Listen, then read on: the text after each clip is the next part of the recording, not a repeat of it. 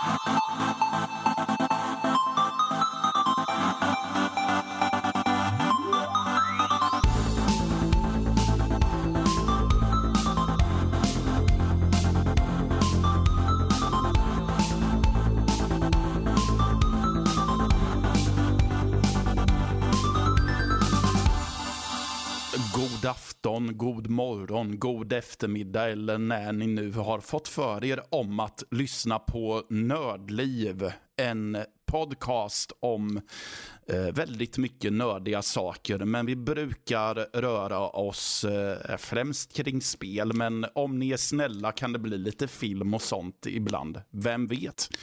Eh, jag heter Mattias eh, datumet som vi spelar in det här är 25 januari. Eh, och jag sitter inte här själv utan jag har tvingat med mig Danny och Jesper. Eh, det är ju ganska sent för oss så god kväll. God kväll. God kväll. Och jag vill bara, av, bara flika in här att det här är avsnitt 438 så att folk lyssnar så att de håller koll på det. Ja, men ja, ja, ja. Även solen har sina fläckar. Så även jag. Avsnitt 438. Ja, men skit i det. Hur är läget? Jo, vars, Jo. det är fina fisken. Ja, det är väl bra. Hur är det själv då, Mattias? Jo, det är bra. Är det, eh, tycker jag. Jag tycker inte att vi hör dig så väl. Jag menar, du har ändå varit skrålat nu precis innan. Ja, men eh, du vet för ett tag sedan så lärde jag mig det här med att man skulle ha en eh, teknik när man sjunger och då eh, låter man inte som Sven Wollter efteråt. Okej då. Mm. Men eh, ja, eh, det kommer ju bli lite nyheter och eh, vi ska även bjuda på lite grejer vad vi har pysslat med i veckan, det vill säga spelat eller sett. Vem vet, det kanske blir lite Avatar, det kanske blir lite Like a Dragon, Sovereign Syndicate. Om ni är snälla kanske vi får lite Godzilla minus one eller Super Mario Bros the Movie. Vem vet vad vi väljer och eh, ha tid med. Um, vi ska leka nyhetsredaktion nu tycker jag. Och eh, jag som värd skulle ju kunna säga att jag kan börja, men eh, jag... Eh, eh, ja, även solen har sina fläckar som sagt, så jag har inte med mig någon nyhet. Så jag överlåter med varm hand över till ja, den av er som känner sig manad att eh, eh, redovisa sina nyheter helt enkelt. Jag Jesper, kan go, börja. Jesper, go for it. Eh, vi kan börja med en ganska så tråkig nyhet här som kom tidigare idag. Det är att Microsoft har eh, sagt, eller liksom sparkat 1900 Activision Blizzard och Xbox eh, staff, eller vad säger jag, personal. Eh, och ja, det är för att eh, det, representerar 8% av alla, av Microsofts gamingavdelning och 9, det är- 9, 9, 9 procent är det. Ja, 9 procent. Jag läste på en annan sida, det stod 8 här. Eh, men, ja. Eh, det, det är då några månader efter Microsoft stängde sin 69 biljoner deal med Activision Blizzard- en av de allra största spelköpen, eller så här studioköpen av dem. Eh, ja, det känns som det, jag är inte jätteförvånad, men det känns väldigt tråkigt att det ska bli så här. Det är väldigt många olika, eh, vad heter det, spelföretag nu som säger, säger upp väldigt många. Eh, Har de det- uppgett något skäl till varför de får foten? Eller?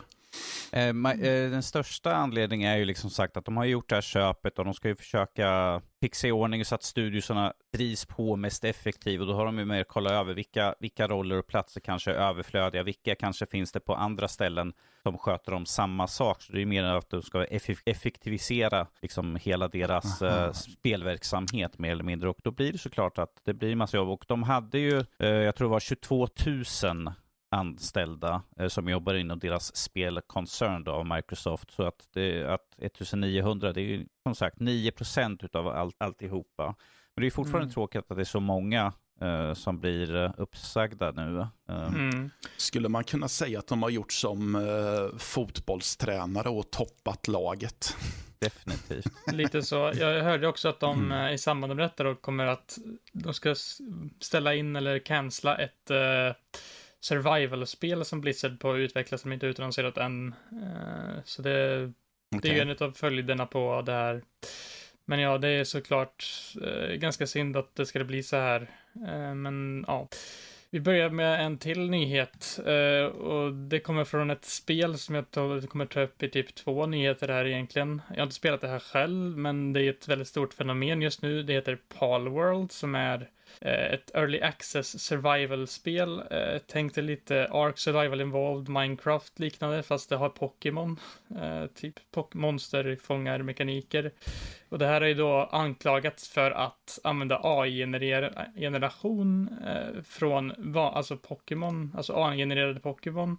Och de här har haft ganska suspekta, den här studien har ganska mycket spe- suspekta medel att skapa sina spel på tidigare. Jag vet att jag kollade upp det här för någon dag sedan när jag såg att ett klipp från deras tidigare spel där öppningen, sekvensen är i princip identisk med Legend of Zelda Breath of the Wild. Till och med samma musiktrudelutt spelas upp i, i den och liksom det blir, det är nästan som att det är åt plagiathållet vad jag förstår det som. Och, och några av designerna jag har sett från det här spelet ser väldigt, eh, ja, eh, suspekt ut. Ehm, men det har ju då stått, stått rejäla rekord bara på några dagar. Det är sålt flera miljoner exemplar på Steam och då är det ju med tänka på att spelet även finns på Xbox Game Pass där spelet är gratis. Är ganska imponerande ändå tycker jag.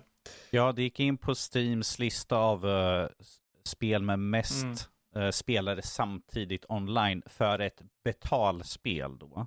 Det finns ju Ja. massvis med spel som är gratis som har högre siffror såklart, men att det här är för ett spel som kostar pengar då. Mm. Eh, Jag kommer inte Eh, ihåg, det var ja. en- 1,3 eller något sånt där miljoner samtidigt, vad, vad det nu var för någonting. Jag tror det kom bland var det tredje plats eller något sånt där. Och i alla fall Ja, så, det var ju så, så, så högt upp var det i alla fall, eh, kom Mm. det nu. Och det hade ju sålt, har ju nu sålt i var det 8 miljoner exemplar. Jag tror det hade efter åtta timmar hade det sålt en miljon. Mm. Så att det har gått ganska snabbt det här spelet. Det har ju sålt jättebra sådär. Jag har ju Mm. också eh, sett de här eh, rykten om att det är AI-genererade eller att det är plagiat av Pokémon. Och jag satt och kollade på en YouTuber som gick igenom en, det är ju en snubbe, någon på YouTube eller på eh, X eller Twitter vad du vill kalla det för något, som Mm. hade liksom en lång lista med jämförelser. Jag satt och tittade på och jag bara, inte ett dugg liknelse mellan den som är deras karaktär och det som de säger är att man bara, jag vet inte vart de får de här jämförelserna. Oh, den har en blomma på toppen av huvudet och den här andra Pokémon har blomma som en krage. Är det det som är, jag vet inte riktigt. Jag har Alltså, sett några väldigt- designer vä- som är väldigt, Väldigt lika. många utav dem som de hade, jag vet inte, de hade 80 plus eller något sånt där jämförelse. Väldigt många av dem jag såg, jag bara det här är ju inte likt för fem öre, så det, det är väldigt långsökt i alla fall tycker jag. Men Jag som sagt, typ- eh, det, det, här är ju Ja. nu, det här är ju nu upp till Nintendo, för Nintendo är ju extrema med liksom att plocka ner när det är fanprojekt eller ifall det är någon som har använt deras IP på något sätt så är ju de väldigt snabba att komma med sånt här season desist eh, brev. Eh, Så att nu är det ju upp till dem och de skulle väl, att de, jag tror att de hade sagt att de undersöker saken just nu. Ja, just det. Precis. Eh, idag kom det ut att eh, Pokémon Company har sett, de är inte helt i mörkret med det här spelet, utan de har nu kommit ut och sagt att de har sett det här spelet. Eh, lite mer i detalj här eh, vad de har sagt. We have received many inquiries uh, regarding Pokemon, another company's game released in January 2024. Uh, väldigt troligt syftar då på Palworld, alltså det är 100%. Men uh, we have not granted any permission for the user of Pokemon intellectual property or asset in that game. We intend to investigate and take appropriate measures to address any facts and infringe on pro intellectual property related to Pokémon. Och att de ska försöka fortsätta att utveckla Pokémon-spelen som de alltid gjort. Liksom. Mm. Eh, Ja, alltså fråga, det jag undrar över är hur det blir om de då bestämmer sig för att skicka en season desist till Palworld-utvecklarna i så fall. Alltså, eh, finns det risk att spelet plockas ner helt och hållet då? Eller vad, Eh. vad är risken om det blir en season desist? Liksom? Jag skulle gissa på att det finns typ två. Det beror på hur mycket, om de hittar liksom rejäla så här, alltså Pokémon eller Pals som är extremt lika varandra. Eh, då kanske det skulle kunna vara så att ett alternativ att de måste bara, om det finns så många som är olika, att de bara tar bort de som är lika kanske. Mm. Eh, Jag tror um, att, ifall vi tar till exempel för Steam så tror jag att de kommer delista att du inte kan köpa spelet mer. mm, är troligtvis det som kommer ske från deras sida för att de ska säkra sig från att vara en delaktig i helhet utav alltihop, att de gör någonting. Ifall de stänger ner att du inte kan köpa spel så blir inte de anklagade för att de låter dem få sälja ett spel som kanske eventuellt har copyright-infringe där från uh, Palworld-spelet. Ja. Det är ju det i så fall att de kanske tar och stänger ner att du kan inte köpa det, men att de gör inte så mycket mer annat där tills vidare. För att Nintendo går igenom, kollar, finns det någonting som är, de, tillhör deras IP helt enkelt mm, Och sen, sen, Ja. sen får vi bara se vad som kommer däreftifrån, i- ifall de kanske måste göra om karaktärerna. För att ifall det visar att det finns saker där som är taget så kommer ju de bli säkerligen få en liten stämning rakt upp och ner. Därför Ja, de ja, har ju jo. tjänat pengar så att eh, de, Nintendo kommer ju vilja ha, och Pokémon eh, vill ju också ha sina pengar då för det som har sålts med deras grejer i. Ja, jag, alltså, jag tror inte att det kommer bara stänga ner helt och hållet spelet, liksom server och sånt bara med en gång. Jag tror det kommer vara, ifall det skulle vara något allvarligare som skulle hända med det så tror jag det kommer ta ett tag. Dessutom tror jag att de måste ha Ja, det finns ju inga, jag vet inte om det finns några exakta, liksom, re- konkreta bevis för det här. Så ja, det är väl det Nej. om det spelet i alla fall. Ni får Det, det är testa ju om som ni sagt, vill. ifall Nintendo går vidare så måste de ju göra en stämningsansökan då för att Mm. sen också kunna få komma till Discovery, med andra ord att de får tillgång till deras källmaterial och de kan gå igenom och kolla, finns det någonstans att det har varit AI inblandad? Vad har den tagit sin källa ifrån? Har den liksom sökt Pokémon och tagit liksom inspiration därifrån? Det är ju sånt de får göra Mm. den, där liksom, de måste gå in och kolla igenom. Vad är det för något ni har använt? Vad är era algoritmer ni har använt för någonting? Helt enkelt. Så det kommer ju ta, en, kommer ju ta ett tag för att gå igenom det där tror jag. Jag tror, Mm, jag, jag- tror inte att uh, Palworld kommer liksom vara så snabba liksom att, nej men självklart här får ni allting. Ifall de tror att, shit, någon kanske har gjort någonting sånt här. Då kommer de ju kanske sträva emot lite grann. Men som Mm. sagt, då är det med alla Ja. företag liksom att ifall de tror att, nej men vi har inte gjort någonting fel. Så varför Mm. ska vi liksom gå till det här? Men att är det en stämning så är det en stämning och då måste de liksom bara helt enkelt lämna över materialet. Ja. Det, är upp till, det är upp till advokaterna sen därefter vad som, vad som händer och sker. Mm. Det låter som att det blir en fortsättning följer på den där då. Mm. Troligtvis. Mm. Jag kan gå vidare till nästa nyhet jag hittade här. Eh, det har varit en liten kontrovers med eh, det nya spelet som jag kommer att prata om senare troligtvis, Like a Dragon Infinite Wealth. Och det är Mhm. när det kommer till eh, hur New Game Plus fungerar i det spelet. Och det är nämligen att i original, liksom, utgåvan av spelet så kommer inte New Game Plus finnas med. Eh, detsamma, detsamma gäller även två um, jobbklasser man kan vara i spelet. Det är typ baseballspelare och tennisspelare tror jag. Eh, så de kommer vara bara i de dyrare versionerna av spelet. Och det här har ju skapat lite kontroverser då. Eh, Mm. Varför ska man låsa en New Game Plus eh, och eh, jobbklasser i dag 1 DLC? Eh, själv tycker jag att det här är ett, jag vet inte riktigt, jag tycker det låter lite dumt. Jag hade förstått om de hade kanske adderat eh, de där jobbklasserna som senare som DLC liksom några månader efteråt. Då kanske det hade varit en annan grej, men att de gör det samma dag som spelet släpps känns lite eh, jag vet inte riktigt. Det här var ingenting jag heller visste om faktiskt när jag spelade igenom spelet. För jag fick väl någon större utgåva av spelet när jag fick det kod på det eller något. Så att, Mm. Men ja, det är i alla fall det. Det är inte så jättemycket mer att säga om det. Det var bara en nyhet jag hittade. Ehm, Det här låter bara som Horse Armor från, för Oblivion. Mm. Eh, sen har vi eh, en trailer som kom i veckan till eh, det nya Princess Peach-spelet. Det visar nämligen sig som att man ska kunna vara en ehm, ninja och en cowboy utöver de andra jobb, eller utöver de andra grejerna man kan vara i spelet som detektiv och tårtbakare typ och kung fu-mästare.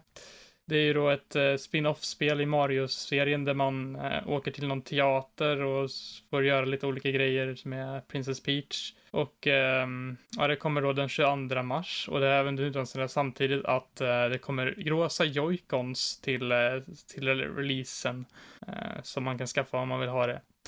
Hurra. Eh, ja, eh, Nintendo samtidigt utannonserade också, mm, eller ganska nyligen, tätt inpå, utannonserade de även, um, vad heter det, att eh, det ska komma en, en, Splatoon 3 DLC som heter Side Order. Eh, någon slags story DLC till det spelet ska släppas andra, 22 februari.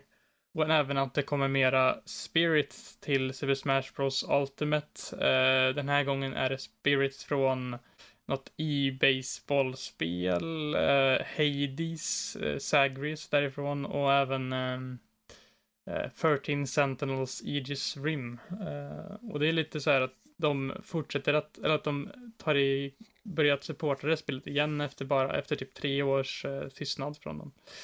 Mm. Eh, tycker jag är lite intressant. Och eh, det är väldigt så här, nu verkar det verkligen som att de pushar på att göra trailers, eller släppa trailers för saker som man kan, kan tänka sig är liksom deras sista sista kläm, eller man ska säga, innan det potentiellt ska utannonseras en Switch 2. Uh, vilket det sista var... skriket. Ja, det känns verkligen inte som det när de utannonserar så här många saker nu i förväg innan februari, där de brukar ha, de brukar ha det i tradition att ha Nintendo Direct i februari. Och jag tror inte att det skulle kunna vara, det känns inte som att det kanske, det har varit så många år nu i rad, så det känns som att det nästan givet att det kommer i år igen. Men vi får ju vänta och se såklart innan det kommer något. Men mm. eh, det känns ju som att de bygger upp nu, att de visar så många trailers och sånt i förväg. Känns ju som att de, ja, de, de bygger faktiskt upp nu för, för att utannonsera något nytt. För att det är verkligen inte mycket som är deras agenda. Jag tror det är typ tre remasters, um, Paper Mario, Thousand Year Door, Luigi's Mansion 2 HD, um, och um, var, var det något mer? Uh, ja, och även det här Princess Peach-spelet då som är väl det enda. Och just det, uh, Mario vs Donkey Kong som också är en remaster eller vad man ska säga. Det är det Princess mer Peach. reimagining på det ja, spelet. Princess Peach Showtime är ju mer bara, är det enda nya spelet egentligen som de har. Uh, så det känns ju verkligen som att de inte har mycket för just, ja, det de har just nu, så det känns ju som att de bygger upp till någonting. Ja. Eh, och sen, Eller så är de bara eh, väldigt ja. äh, inspirerade. Mm. Eh, vi går vidare till nästa nyhet efter detta. Så uh, utannonserades det bara för några timmar sedan att uh, Horizon Forbidden West kommer till vad heter det, PC i uh, 21 mars kommer det. Okay. Så ja, för de som har spelat Horizon Forbidden Zero Dawn på PC och inte har någon Playstation och väntar på Horizon Forbidden West så kommer det 21 eh, mars till eh, PC helt enkelt. Eh, När var Vilket... det det släpptes till Playstation? förra året, typ, typ februari tror jag. Jaha. nej, inte förra året, för, förra året. Nej, det, det, var ju VR-spelet som släpptes i februari ja. förra året. Okay, ja, jag kom på att det redan gått. Um... Så det har gått två år. Hur, hur, snabbt, hur många år var det mellan konsolsläpp på Zero Dawn och PC-släpp? Det tror jag det var ganska mycket mer. Jag tror det var kanske ja. tre, fyra år eh, i alla fall. Men det är ju för att jag tror Playstation började satsa mer på PC-släpp. Ja, jo, det är sant. Eh, senaste med ja. Last of Us och allt möjligt sånt. Så Last of Us Part 2 skulle också komma till PC tror jag. Ja, då, för, eh. då, var min spaning lite meningslös. För jag tänkte att det, det är ju väldigt eh, tätt inpå nu. Uh, ska vi se. Ja. Horizon Zero Dawn släpptes 2017 och till mm. PC 2020. Ja, mm. ja, ja, ja, det är inte så mycket mer. Nej. Ja. Men ändå, jag tycker att det känns som att Playstation överlag just nu har, får mer och mer, min, eller mindre och mindre exklusiviteter som varar där. Dessutom så känns det som att det är väldigt lite man känner till just nu, så undrar lite faktiskt vad de håller på med just nu. För det var ju senast Spiderman 2 som kom för några månader sedan, men sen har jag, känns det som att man inte har hört jättemycket alls om exklusiviteter. Såklart kommer ju Final Fantasy 7 Rebirth till Playstation 5 eh, om nästa månad. Men mm. Det är väl typ det man vet om som är exklusivt och det är ju inte ens Playstation Studios, så ja. Ja, ja. Vi, vi får se helt enkelt. Ja. ja. Uh, det var i alla fall alla mina nyheter, så ja. vi kan gå över till Danny tycker jag. Ja, då yes. åker vi till Norge och kollar nyhetsläget där. Yes. Så, så länge du håller dig inom våra ämnen så att du inte äh, skit, ja. Och nu över till hyacintnytt. ja, det, det, kan du få prata om. det skulle vara någonting och nu börjar vi prata blomster liksom. Där folk bara, eh, nu har de tappat helt här nu.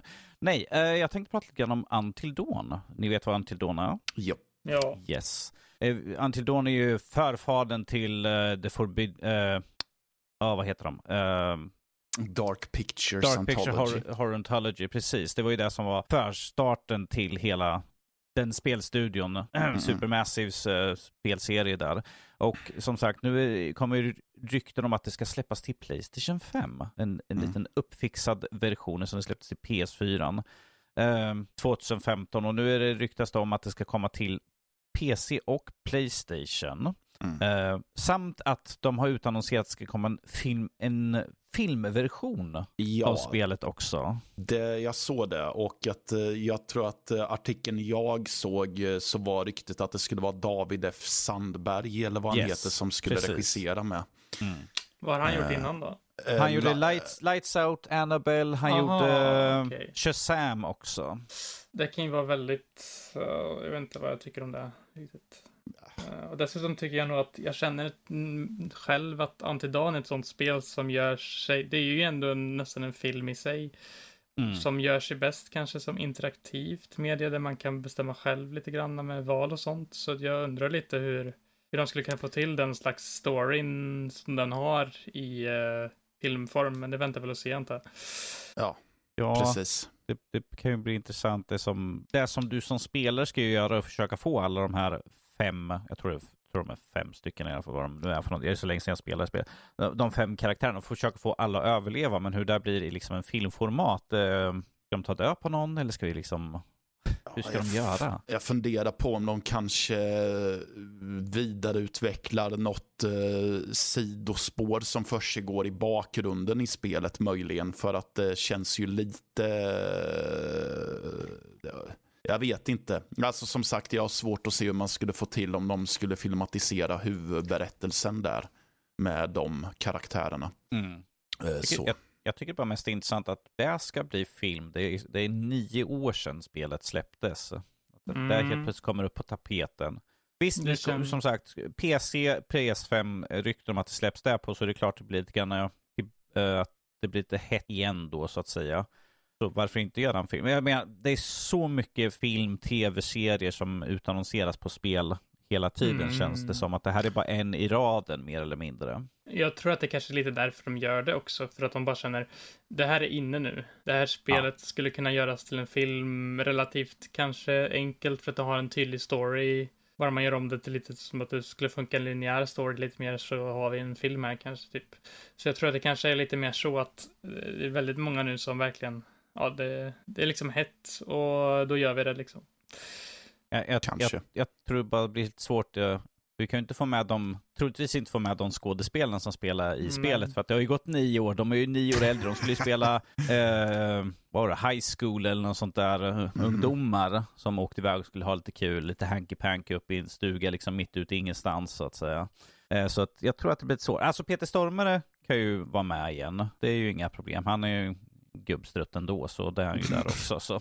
ja. ja, men eh, visst var han med som spelade Freddie Mercury i Queen-filmen? Eh, eh, Rami Malek. Ja, så heter han ja. Mm. Vill alltid säga Sami. Ja, jag glömmer alltid bort vad han ja, heter precis. ändå. Så. Eh, Ja, Rami mm. Malek. Ja, precis. Han uh, spelade... Ja, jag ska men... inte säga vad han spelar, för ifall man vill spela spelet och inte spelat det tidigare så vill jag inte avslöja vem han är i spelet i alla fall. Ja, men uh, vi får väl se om det blir någon film överhuvudtaget. Och uh, kul för er som inte har spelat Until Dawn än. Alltså, det stod ingenting om huruvida det skulle vara nytt material till eller något sånt. Eller om det bara är en allmänt upphottad version bara. Nej, det, det, står ingenting alls sånt, men att det, det ryktas ju om att, eventuellt, att det skulle bli eventuella utannonsering om de närmsta två veckorna i alla fall. Och då okay. är det mm. kanske också att vi får en uh, State of Play. Mm. Då i så fall. Uh, vilket ska vara intressant, för då, det, då, blir det inte bara det här. Då blir det inte bara Until Dawn, utan vi kommer få mer andra saker utannonserade då. Så att jag, jag hoppas att det stämmer det här, för att det betyder att vi får en State of Play och då får vi lite mer andra saker utannonserade också. Så jag ser det som ett win-win. Sådär. Och eh, ja, det här, som sagt, det här har ju nio år på nacken, så jag tycker det är helt okej okay att göra en ny version. Ja, till, alltså det är ju ändå en till, skill till skillnad från The Last of Us Part 2 som släppte nytt igen ju sådär. Jag Visst, har, har du aldrig eh, spelat starka. förut, sure, då är det kul ifall du har ett Playstation 5, så sure. Men att jag tycker att en äldre spel så är jag, ser mycket mer att det finns då bättre att de gör och släpper på nytt än liksom ett spel som är redan går att köra så att säga. Ja. Jo, alltså det känner, jag känner ju att Ultimate LAN är ju mera... Är det, är det PS-spel exklusivt som det är just nu? Vilket? Until Dawn, är det exklusivt till PS4 nu då? Att det är inte... Eh, ja. Okej, okay, men då tycker jag ändå att det passar ganska bra för att jag tror det finns mycket publik, stor publik i alla fall på PC. PS4 kan man ju spela på PS5 så det är väl inte den största grejen där kanske inte kan tänka mig men att PC-spelare skulle kunna få spela det. Det är i alla fall någonting som jag tycker är, jag förstår mm. ändå. Men ähm, ja, jämfört med Last of Us Part 2 som jag verkligen känner är den mest onödiga remaster någonsin vad jag har sett av det men ja, äh, det var väl, jag kanske inte gå in på det för jättemycket just nu men Yes. Hade du fler nyheter eller? Yes, det här är en också som är lite grann, vi är inne på Switch 2 och snurrar och det här är de, det är också återigen rykte. Metroid Prime 4, att det kan vara snart färdigutvecklat mm. och kan vara då lagom till. E, den eventuella lanseringen av ryktena som går är ju till hösten nu, här nu 2024.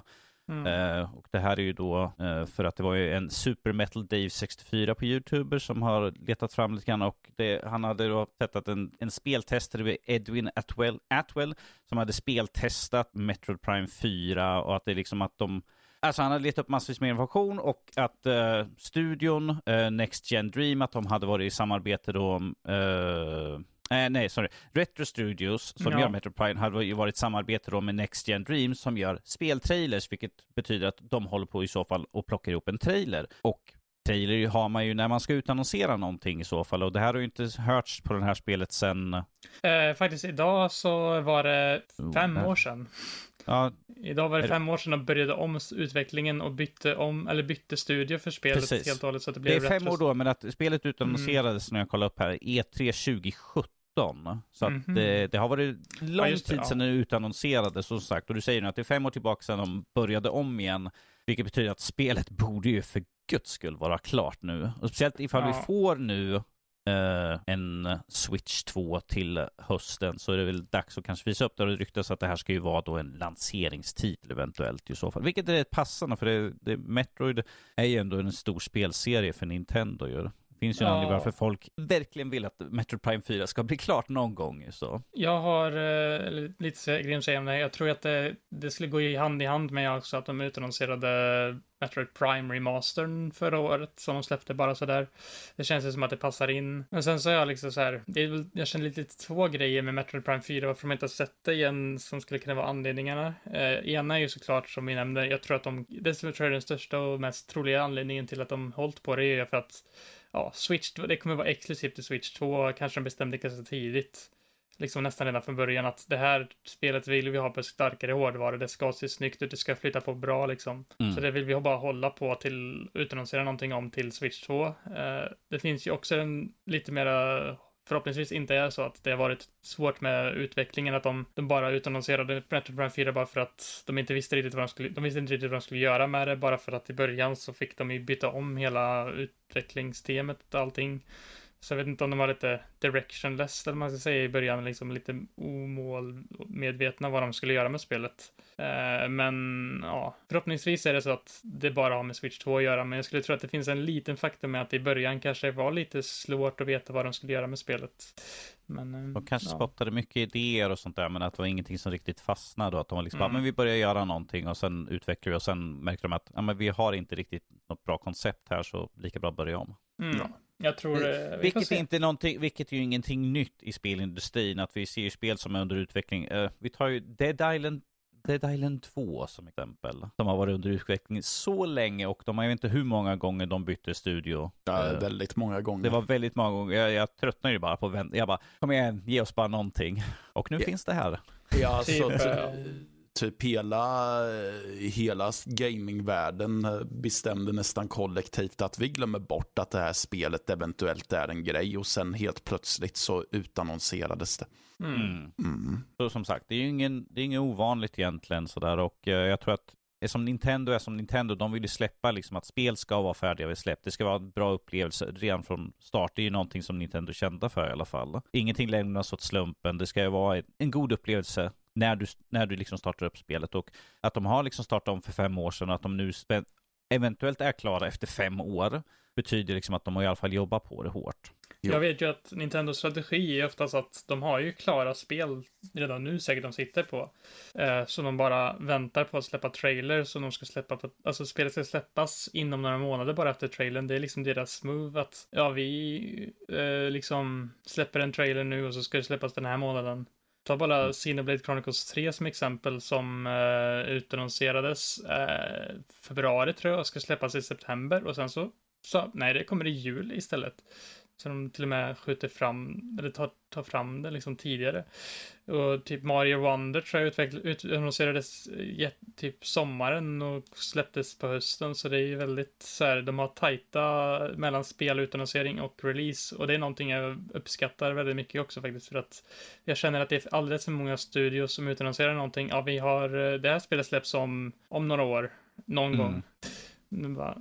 Jag vill inte- Elder Scroll 6. jag behöver inte veta det än, för det finns annat som Ja, kommer ja. också. Så det är bara... Ja. Eh, Hade du något mer Danny eller? Eh, jag har den här för dig som tycker om Death Stranding så uh, kan du snart spela det på din mobil. Wow. Do- dock, ifall du sitter på en eh, iPhone 15 Pro eller en iPad eller Mac med M-chip så kan du spela spelet. Eh, det, släpp, det släpps nu den eh, 31 januari för, en kostnad på cirka 500 kronor. Men ifall, du för, ifall man förhandsbokar nu så är det på halva priset. Jag vill spela det på min Nokia 3310. Ja, gud. Ja, jo, du kan ju försöka. Men jag tycker det är intressant liksom att vi får Death Stranding till mobil. Jag tycker det, jag menar för vad spelet är så fine. Jag, jag beskrev det som posten the game när jag recenserade spelet sådär, men att det är ändå ett rätt krävande spel så att du kör på en mobil, det tycker Ja. jag är ändå rätt imponerande i alla fall. Så. Jag kan tänka mig att det funkar ganska hyfsat på mobilen då. Om man åker kanske kollektivtrafik till exempel. Och, eller, eh, inte mobil kanske inte är det bästa tänker jag, men typ en iPad kanske. Mm. För mobil är ju så liten skärm så jag vet inte, jag, jag, jag fattar inte riktigt hur man kan spela spel på mobil. Men på en iPad så, alltså sådana här riktiga spel alltså. Men på iPad så kan jag tänka mig att det kan vara ganska så, om man har liksom en kontroll kanske ikopplad eller något om man åker en, om man åker en längre sträcka på kollektivtrafik eller någonting. Att man bara typ går runt där och mm, får lite transporter gjorda och sånt under en resa liksom. Mm. Eh, så kanske man tar story-grejerna när man kommer hem sen eller någonting så får man gjort det liksom kanske.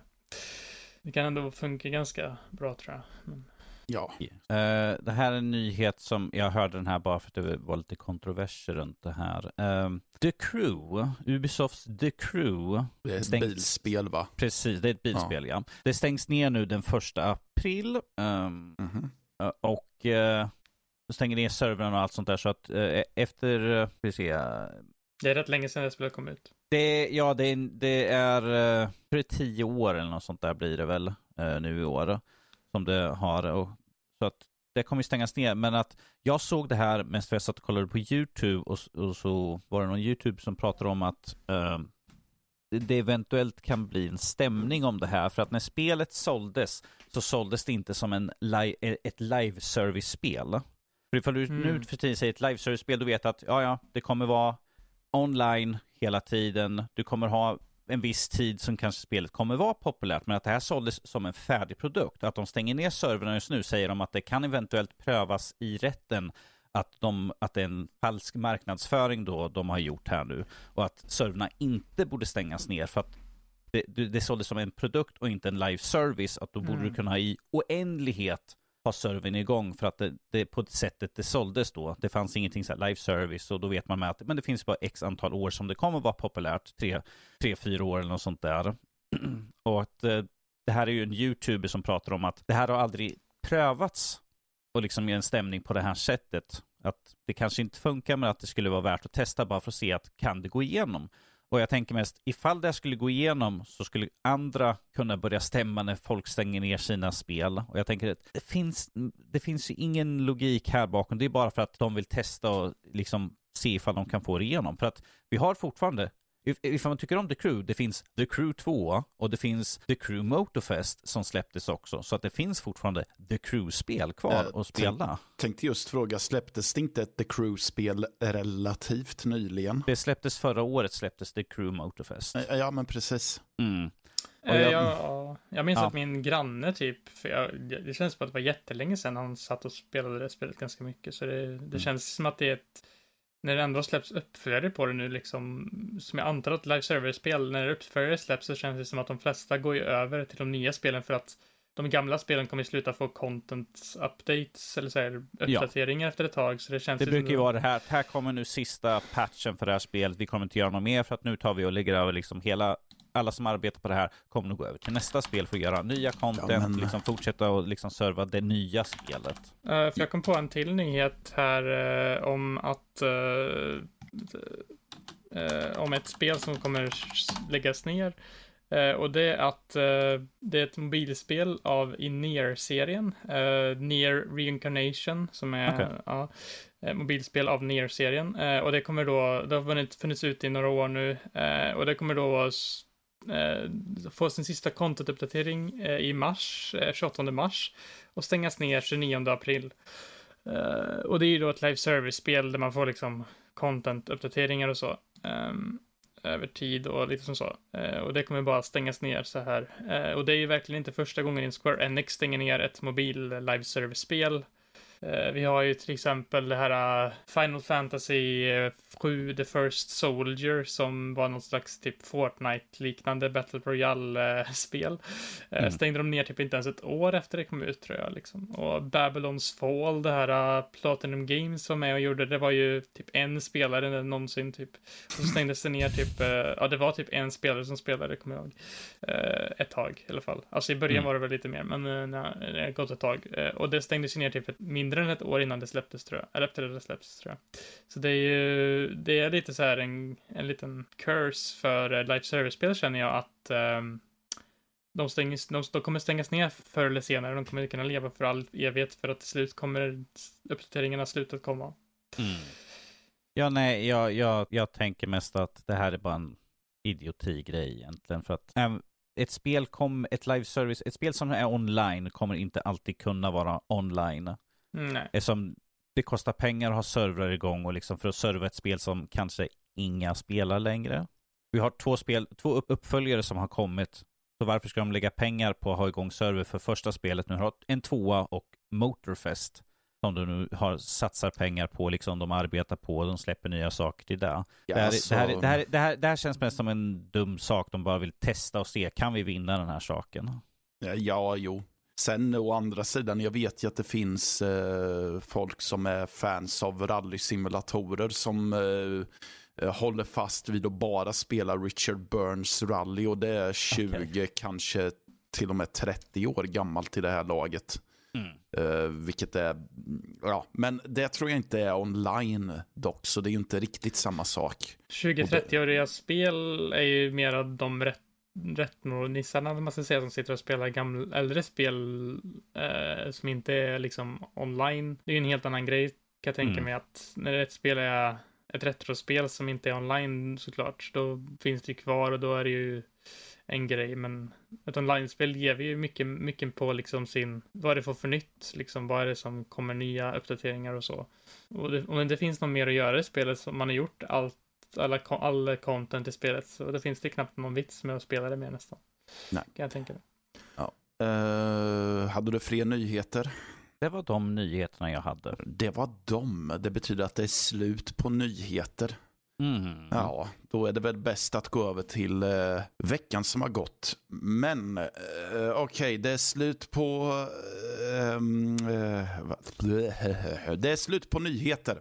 Men eh, vad jag har förstått Jesper så är det väl inte slut på rikedomar.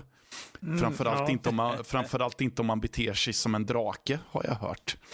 Ja, eh, Ja. nej, det finns lite, det, det tar aldrig slut, det är oändligt i Like a Dragon Infinite Wealth.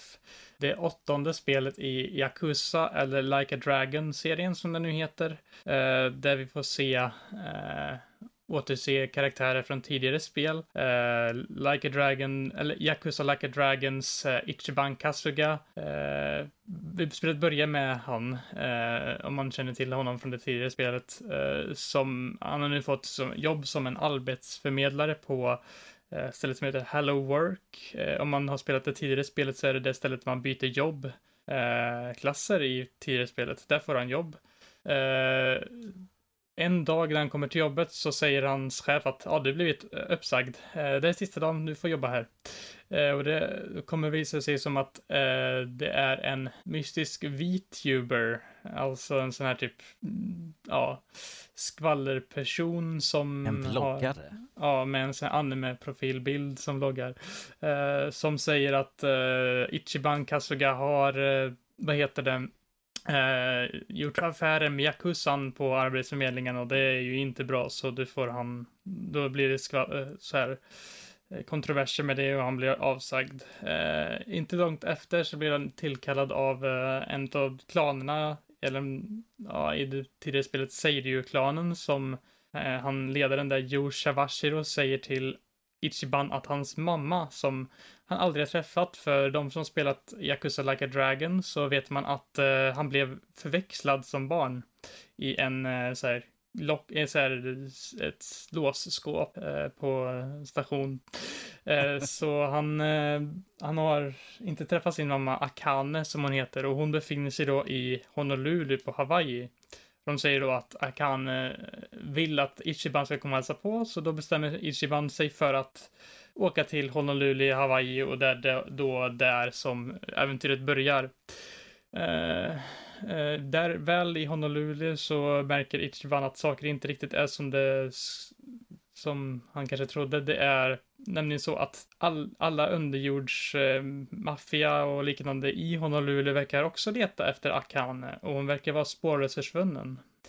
Vad är det som händer här undrar man ju. Eh, och även, och här kommer en grej för tidigare fans av serien. Ichiban får nämligen eh, reda på att eh, den tidigare, den första protagonisten i eh, Yakuza 0-6, eh, Kazuma Kiryu, har blivit, eh, fått uppdrag av Daidoji-klanen som man, om man kört Like a Dragon, Guiden, The Man Who Raised His Names, då vet man att det är en klan som har gett honom uppdrag tidigare. Hon har då fått uppdrag att åka till Hawaii och ta red, leta reda på just vem, var Akane befinner sig. Uh, och uh, det är väl egentligen här spelet börjar då, att spelet uh, följer då både Ichiban Kasuga samtidigt som det följer Kazuma Kiryu när de ska leta reda på Akane. jag, måste bara, jag måste bara fråga, Får man köra som båda protagonisterna? Yes. Är det typ att nu har du kommit så här långt i storyn, nu byter du över och börjar spela som han andra? Eller är det liksom beroende på vissa segment av spelet som du växlar emellan? Jag nämner inte det i min recension jättetydligt, för jag vill vara spoilerfri där, men jag har sett så många andra ställen lämna det här, eh, och så jag nämner väl ändå. Man får ganska tidigt i spelet reda på att Kazuma Kiryu tyvärr har fått cancer, och han har bara ett halvår på sig att överleva. Eller hade har varit kvar att överleva. Och i, i, början av spelet så spelar man som både Kazuma Kiryu och eh, Ichiban Kasuga när de tillsammans är där. Men efter ett tag in i spelet när de har gjort lite uppdrag tillsammans så märker man att ja, Kiryu är ganska så svag, kan klara sig inte riktigt här så han får åka tillbaka till Japan. Eh, och då får man spela som honom i, i, i um, Yokohama där man är i Like a Dragon eh, 7, eller Yakuza Like a Dragon. Så det är spelet liksom, andra halvan av spelet är egentligen att man har två olika, två olika, varannat kapitel så spelar man i Hawaii och varannat kapitel spelar man i Japan. Eh, ja. och ja. Eh, det är precis, precis som det tidigare spelet Like a Drag, Yakuza Like a Dragon är det här ett turordningsbaserat rollspel. Eh, om man inte vet, det är kanske är lite svårt att veta varför det är turordningsbaserat rollspel eh, istället för att det är ett brawler som det var innan, men eh, mm vad heter det, i, eh, man får reda på i Lakus Like a Dragon att Ichiban Kasuga växte upp som ett väldigt stort fan av eh, Dragon Quest-serien och han ser typ världen som att det vore eh, Dragon Quest. Han ska vara hjälten och... Gör karaktären det eller? Ja, han, ser han, världen. I hans sinne, det kanske är tre stycken Yakuza som kommer men han ser liksom här kommer ett troll eller något sånt där. Här kommer mm, en stor... En, här kommer en dvärg också eller något sånt där. Så han ser, och han liksom kanske håller egentligen ett järnrör, men i hans huvud så är det ett magiskt svärd. Han bara... Ah. Man ja, bara, nej, okej. Okay. Och så gör han ja. fantastiska attacker och sånt där, men sen får man se liksom från en annan karaktär att Han slåss med vanliga gubbar, liksom, och knytnävar och sånt där. Det framgår inte om huruvida han ständigt är påverkad av uh, suspekta substanser eller något sånt där som... Nej, nej han, är, han, är, han är bara weird. Det är bara uh, det. Han är, okay. han är, bara weird. En liten rolig detalj där dock, att uh, andra halvan av spelet, när man kommer in till att eh, Kiryu åker till Japan, så eh, blir det, får man reda på att Kiryu, han, han är ju dock lite weird för han har cancer och han, det påverkar honom. På grund av hans cancer börjar han se världen precis som Ichiban gör. Ja, så han ser också de här monstren nu, eh, liksom som inte vore där. Eh, men mm. det som jag, det, det skiljer sig fortfarande lite bland eh, Kiryu och hur eh, Ichiban eh, liksom spelar, för de andra är liksom som vanlig turordningsbaserade strider. Det finns lite nya tillägg i stridssystemet, måste tilläggas dock att du kan röra dig runt i en cirkel typ i banan och använda dig av uh, olika grejer in, i din närhet för att slå ner fiender och liksom kasta mm. fiender på andra fiender för att göra kedjereaktioner med fiender. Så ja, man kan, man kan göra ganska mycket med, med, med striden än att bara klicka på en attackknapp och ja, som man gör i det första spelet som är ganska, det är ganska simpelt. Du har lite så timing-grejer i det, men det, det är liksom det. Eh, men eh, en grej med Kasum, eller Kiryu då är att han har eh, sina tre stances som han har från de tidigare spelen. Så han har ju typ agility, beast och power typ som man kan byta mellan. De här har lite olika styrkor och svagheter. Beast mm. till exempel kan greppa fiender, liksom fånga dem runt. Och sen även när man kommer lite längre in i spelet så finns det en, eh, så har Kiryu en mätare som man kan bygga upp och när den är full så kan han eh, gå in i ett läge där han får spela exakt som han gör i de tidigare spelen. Så då eh, bryts spelet upp och han får bara slå ihjäl fiender på det sättet som man gör i Yakuza Like a Dragon, vilket i min mening gör spelet väldigt mycket lättare än det tidigare spelet var mot slutet av spelet. Eh, dels för att det är Dels för att du har så mycket mera val och möjligheter att göra saker med allt du har, men också för att det finns i Yakuza Like a Dragon, för de som inte vet, så finns det en extrem difficulty spike mot slutet av spelet. Det är typ 20 levlar du måste grinda typ för att möta en viss boss typ. Uh, här, är det, så är det som tur är inte så, så du, du kan spela igenom spelet ganska smidigt så sett. Uh, om man vill nämna något mer av spelet förutom det här, jag tycker att berättelsen är bland de starkaste i hela serien faktiskt. Uh, jag, mm. jag, jag, vet inte, jag verkar vara ganska ensam om det, men jag tyckte verkligen inte om spelets slut, jag tycker inte det passade alls. Men utöver det tycker jag att det var en väldigt stark eh, berättelse uh, med välskrivna nya karaktärer och de gamla också när de kommer tillbaka och även det här att uh, Kiryu i andra delen av spelet så får man göra bucketlist-uppdrag som de kallas, där man eh, går runt och eh, så här, åt, åt, tänker på vad som har hänt i tidigare spel, man får lite flashbacks. Även liksom spin-off-spel gör de lite roligt med, för de säger så här, ja det är en movie, det finns, det finns typ ett Left 4 Dead-liknande spel i Yakuza-serien som är en spin-off som bara, han kollar på en poster bara, och det, då är det en poster på det spelet bara, hmm, är det här en dröm jag någon, någon gång hade? Typ. Uh, men utöver storyn och allt sånt där så finns det typ två spellägen som är väldigt stora och typ minispel i spelet. Eh, det ena är... Jesper, det viktigaste. Vilka gamla Sega-spel finns att köra på arkadmaskinerna?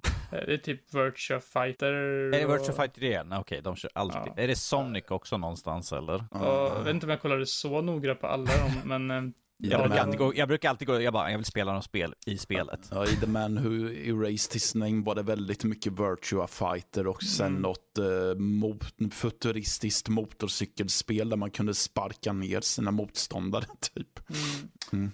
Jag ville typ mm. inte, förutom typ eh, ett av minnesspelen, eller så gjorde jag inte så jättemånga av dem. Det, det största minispelet, eh, eller de två största minispelen i spelet är för det första, Sujimon eh, League, vilket är egentligen att du vet de här monstren som man, eh, Ichiban ser. Eh, de, som spelat Yakuza Like a Dragon vet man att eh, det finns en snubbe som typ ger dig ett Suji-dex som är typ som ett Pokémon, Pokédex.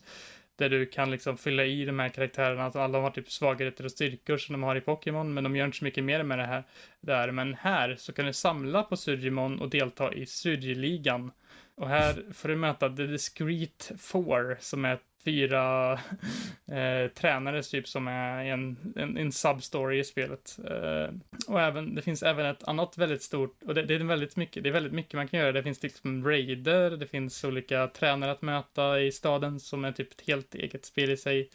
Eh, jag som tur med i min ehm, vad heter det, recensionsversion av spelet så fick jag en massa jättekraftfulla surrimon på typ ett paket, så jag bara använde mig dem och bara typ mosade mig igenom eh, den eh, substoryn. Men ja, eh, det var i alla fall det. Och sen finns det även ett annat sidoläge som jag inte, om jag hade engagerat med det så hade jag absolut inte blivit klar med spelet i tid, men det, det var då ett spel som är väldigt likt Animal Crossing som heter Don Dondoko Island. För vid ett tillfälle i spelet så får du åka till en ö Eh, där du får möta på typ några skumma karaktärer som um, vill bygga, bygga upp en ö som blivit invaderad av pirater. Och då får du ah. liksom samla material och fightas mot de här piraterna och även uh, bygga, liksom bygga upp din drömö liksom. Uh, det, de här, det är typ maskotar som är lite så här humoristiska som man får möta där. Och även mm. karaktärer man har gjort uh, grejer med i um, main storyn och i substories och sånt kan dyka upp på den här ön och vara invånare där. Så jag tycker det är lite kul ändå. Uh, som vanligt så är ju substories, jag gjorde ganska många av dem ändå, de som är liksom uppdrag eh, med karaktärer och sånt. De är lika bananas som vanligt, typ att du ska Eh, det är typ jättebebisar som är runt i stan och de, eh, det är en gammal man som vill ha, eh, hans fru är så här jättedödssjuk är hon och hon vill se snö. Så de här jättebebisarna med sin eh, vällingpulver eh, kastar ner snö från, man hjälper dem att kasta ner snö från taket så att eh, de får se snö. Och det, det är massa galna exempel här, men jag tycker de är rätt roliga. Eh... Ja, jag ser ju att du har sålt in Danny ordentligt nu. Mm. Det är ju mm. just det, det, här att yes, du har jättebebisar, såld, jag måste spela det. Mm. Nu jäklar, nu kör vi. Mm. Men det är i alla fall eh, ett väldigt det har väldigt mycket content för den som vill. Man kan nog, om man engagerar med det här Nondoko Island så kan man nog hundratals timmar kan man nog nå upp i.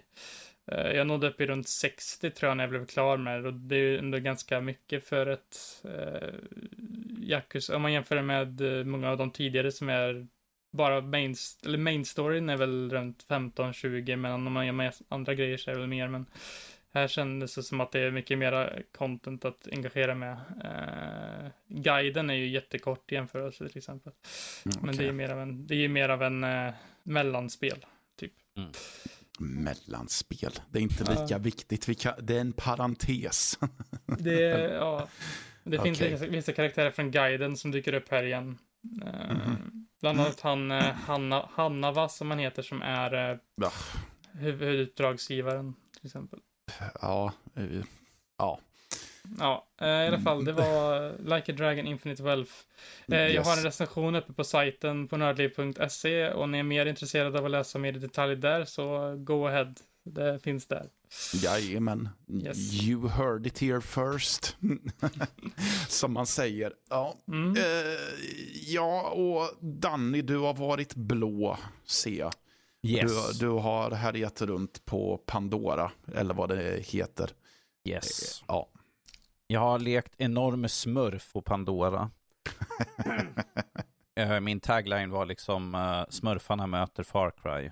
Um, vilket jag tycker är rätt passande sådär för att uh, alla har ju velat vandrar omkring på Pandora. Jag vet att det var ju en sån stor craze när första filmen kom och folk var ju deprimerade för att det fanns inte i verkligheten. De kunde inte åka dit. Folk blev deprimerade efter att ha sett ja. filmen sådär. Nu har de i alla fall tillgång till spelet som de kan vandra omkring i, i alla fall och se hela naturen, världen, djuren. Jag vet inte om vi nämnde det, men vi kanske ska vara tydliga och säga att det rör sig om Avatar. Ah, ja. Avatar Frontiers of Pandora då. För, ja. de, för de som inte tog hinten där med enorma smurfar. Ja. De bara, jag vet att det kommer ett smurfspel här nu, så men, vad, vad pratar de om? inte ja. Avatar The Last Airbender heller, utan det är Avatar de med de blå. Precis. Men det var, jävlar vad mycket disclaimers man ska göra hela tiden. Ja, det, ska ju det hade ju dock varit kul om vi inte hade gjort den här och sen så hade någon suttit och tänkt att wow, det här låter ju som världens bästa smurfarna-spel. De bara, men hur klarar Ang av allting? Jag vet inte riktigt hur det ska gå för honom. Jaha, nu var jag inne på att det var smurfarna. Ja, Ja, jag, var inne, jag var inne på Avatar. Ja, ja, Avatar eh, The Last Airbender okej, Precis. men Frontiers of Pandora då? Yes. Eh, storyn är den att de, den avatar som vi spelar som och hans närmsta vänner blir kidnappade från sin stam som barn, så att de lär sig inte alls vad det betyder att vara en Navi, utan de växer upp ibland RDA, vilket är den mänskliga invasionsstyrkan mer eller mindre som kommer dit för att ta resurser. Så de växer upp och lär sig information om mänskliga världen, liksom vad allt vi har, eh, deras vapen och sånt. Så att de har ju noll koll på vad det betyder att vara liksom en utav urinvånarna. Men att det kommer ju att kriget kommer och eh, de helt enkelt säger att "Nej, men vi stänger ner den här projektavdelningen och tar död på de här blåa enorma snubbarna, vi behöver inte dem. Det, det, det här är ett dött projekt. Men att som tur har så är den som är ens, eh, den som tar hand om dem räddar dem från att bli ihjälskjutna. Men för att de ska kunna skyddas därifrån så läggs de ner i sån här cryostasis så de sover. Eh, problemet är att de sover väldigt länge. Eh, när de blir räddade från eh, de, den eh, platsen så har de sovit i för att inte missminna mig helt fel så är det 16 år de har sovit. Ganska lång bit så det har hänt mycket ute i världen utanför. Deras stam existerar mer, inte alls längre utan de är den sista överlevande av sin stam. Och eh, i spel så kommer man röra sig mellan olika stammar där alla säger liksom hela tiden, ja men du är inte som de andra från din gamla stam. De var stora diplomater och de var stora historieberättare. Man bara, ja, ja, ja, du behöver inte berätta för mig att jag är en dålig representant för min stam som jag inte vet någonting om, har aldrig träffat och jag har levt mitt liv i fångenskap. Så påminner mig inte. Men spelet går väldigt mycket ut på att eh, din karaktär ska åka runt med de olika stammarna och samtidigt ta lite lärdom om vad betyder det att vara en Navi. Lära sig om hur, man, hur du lever i världen. Lär dig det gamla sättet, hur, hur det alltid har varit på planeten istället för de här mänskliga idéerna eh, och värderingar som de har lärt sig mer eller mindre. Eh, jag sa, jag sa ju att min tagline var i smurfarna möter Far Cry för att spelet i mångt och mycket är bara ett Far Cry-spel med en avatar-skrud över sig hela. För att när du spelar spelet så är det, mer, eh, så är det exakt som att spela ett, eh, ett Far Cry-spel. Mm. Du, har ba, du har olika fraktioner som du går emellan, de olika Navi-stammarna, det vill säga, där du måste göra uppdrag för att liksom få deras eh, välsignelse mer eller mindre. Att de liksom, ja ah, men du, du är helt okej, du är liksom, du är faktiskt en del av oss, du är inte bara liksom någon som har blivit indoktrinerad av människorna. Och man ska liksom am, eh, hjälpa dem för att slå ner förtrycket från eh, de män, människor som kommer dit och liksom skövlar skogen, tar resurser och sånt. Eh, man åker runt, eh, tar ut eh, stora stationer, så här, skövlingsstationer som förpestar naturen runt omkring. Mm. Det finns väldigt mycket sidouppdrag. Eh, Det finns en lång huvudhistoria också, men att det problemet jag primärt hade med spelet var att det kändes som det blev väldigt mycket same same ganska Mm. snabbt på uppdragen. Det är till exempel, du kommer till en ny klan och de säger åh, två krigare har inte kommit tillbaka, kan du åka ut och hämta dem? Och jag bara, fine, jag går och hämtar dem, jag har gjort det fyra gånger tidigare. Eller, åh, vi ska laga mat. De har lagt till mat också i att du kan laga mat i det här spelet. Eh, som ger dig, kan ge dig en buff eller en fördel så att säga. Men att det känns väldigt påklistrat att varför ska jag ha en hungerbar? Det här är inte Minecraft. Uh, folk bara, vad Har du en du om? hunger bar alltså? Du har en hunger, du har mer än en hungerbar. Mm. Eh, Fast det som jag märkte mest när att din att det försvann, det var när du fast-travlade emellan. Du, liksom- det står liksom, ska du fast-travla hit? Ja men det drar typ 25% av din hunger mer eller mindre. Jag bara, okej, jag äter mat i så fall. Men det är enda gången som jag har märkt av liksom att min, min matnivå går ner. Så det känns väldigt påklistrat och det här att laga mat, det känns som att, jag menar alla andra spel lagar mat. Zelda har lagat mat. Mm. Vi kan ha laga mat här också. Det kändes som väldigt påklistrad sak. Men att uppdragen som sagt att hämta liksom det här, eller liksom gå och ta, skjut ner det här monstret, ta dess kött, kom tillbaka, laga mat. Eh, Men att problemet är att för att få mat och resurser har olika valörer. Du har liksom normal och så har du pristine, alltså det är liksom det bästa, bästa möjliga. Och då måste du ha olika faktorer. För att ta ett monster till exempel, eller ett djur som du ska få det bästa köttet ifrån, så måste du ta död på ett speciellt sätt. Det finns det, det är Ubisoft, så du har ju såklart en, som en eagle vision, att du har en sån här specialsyn. Du kan liksom se, ja men jag ser en specialsyn, nu ser jag vart alla växter, alla resurser är enklare. Jag ser spår efter vart djuren har rört sig. Eh, så att när du tittar på till exempel ett djur så ser du att, ja men den här, det här djuret, det har liksom som en orange fläck på halsen. Ifall jag skjuter där så tar jag död på det på bästa möjliga sätt och skonsammaste sätt. För att eh, de värnar om liksom att jag tar död på det djuret bara för att, det ska, för att jag ska utnyttja dess kött och äta det. Så att det, det är en värdig död mer eller mindre.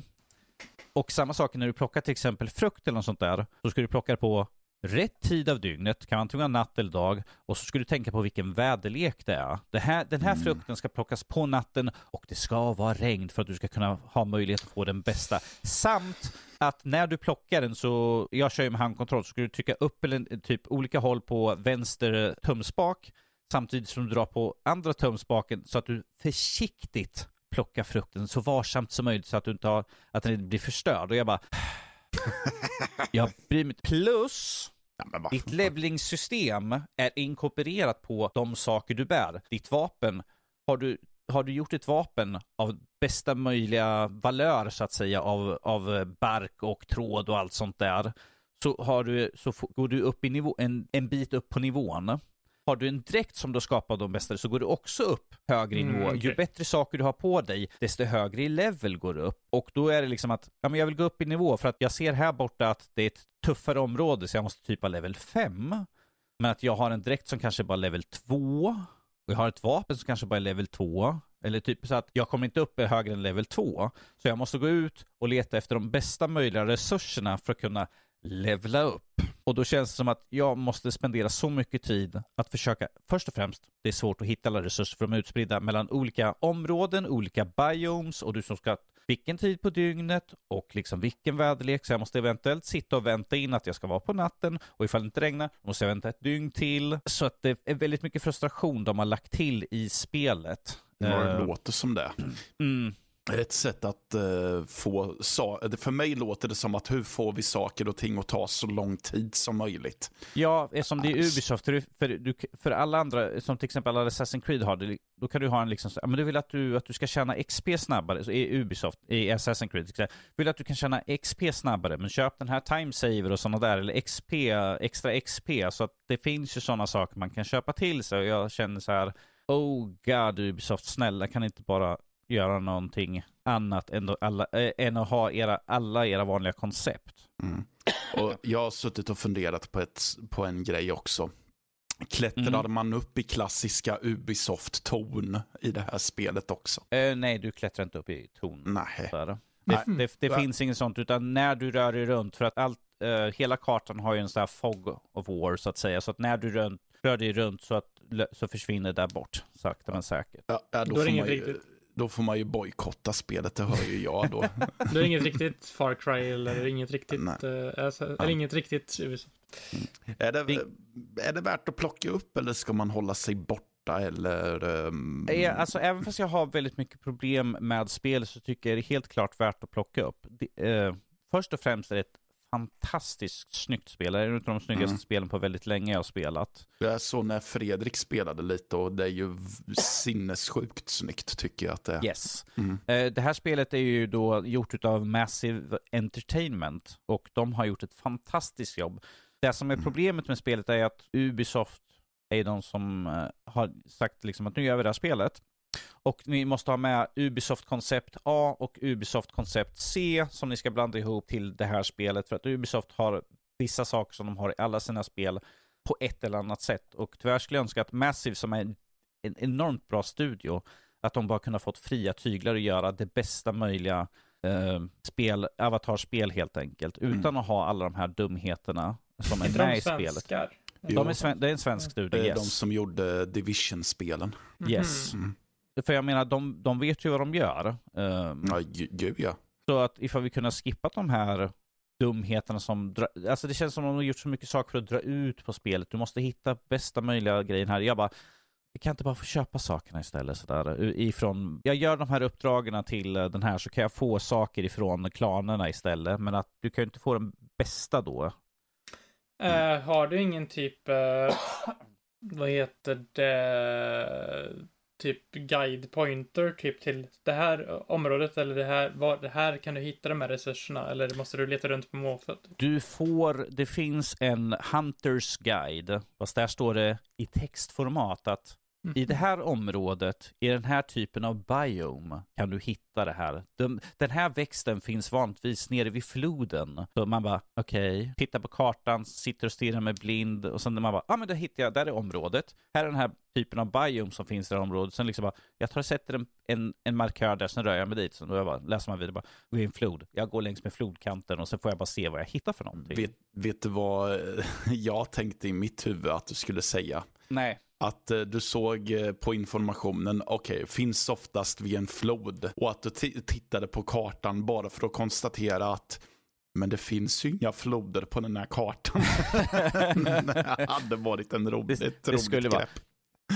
Men som sagt, det finns väldigt mycket att göra i spelet. Som sagt, det finns massvis med sidouppdrag och sånt där till alla, till alla olika klaner. Det finns massvis med äh, olika saker. Och sen när du låser upp din ekran, det vill säga de här flygande bestarna som man ser i filmerna som de flyger på, mm. kan du lättare ta dig emellan ställen. Visst, du kan ju fast travela ifall du var någonstans. Men att du på din ekran så kan du liksom komma åt nya ställen, alltså de här flygande plattformarna och sånt. Du kan liksom flyga upp på kullar och berg som kanske var väldigt svårt att klättra upp för förut. Så att det finns ju väldigt, det är en, det är en extremt stor värld att utforska. Det finns så mycket att göra. Ifall du vill ha ett spel där du kan få ut liksom, ja, säkert uppåt hundratals timmar så att säga. Ifall du vill utforska och hitta allting i spelet så är det här ett väldigt bra spel. Mm.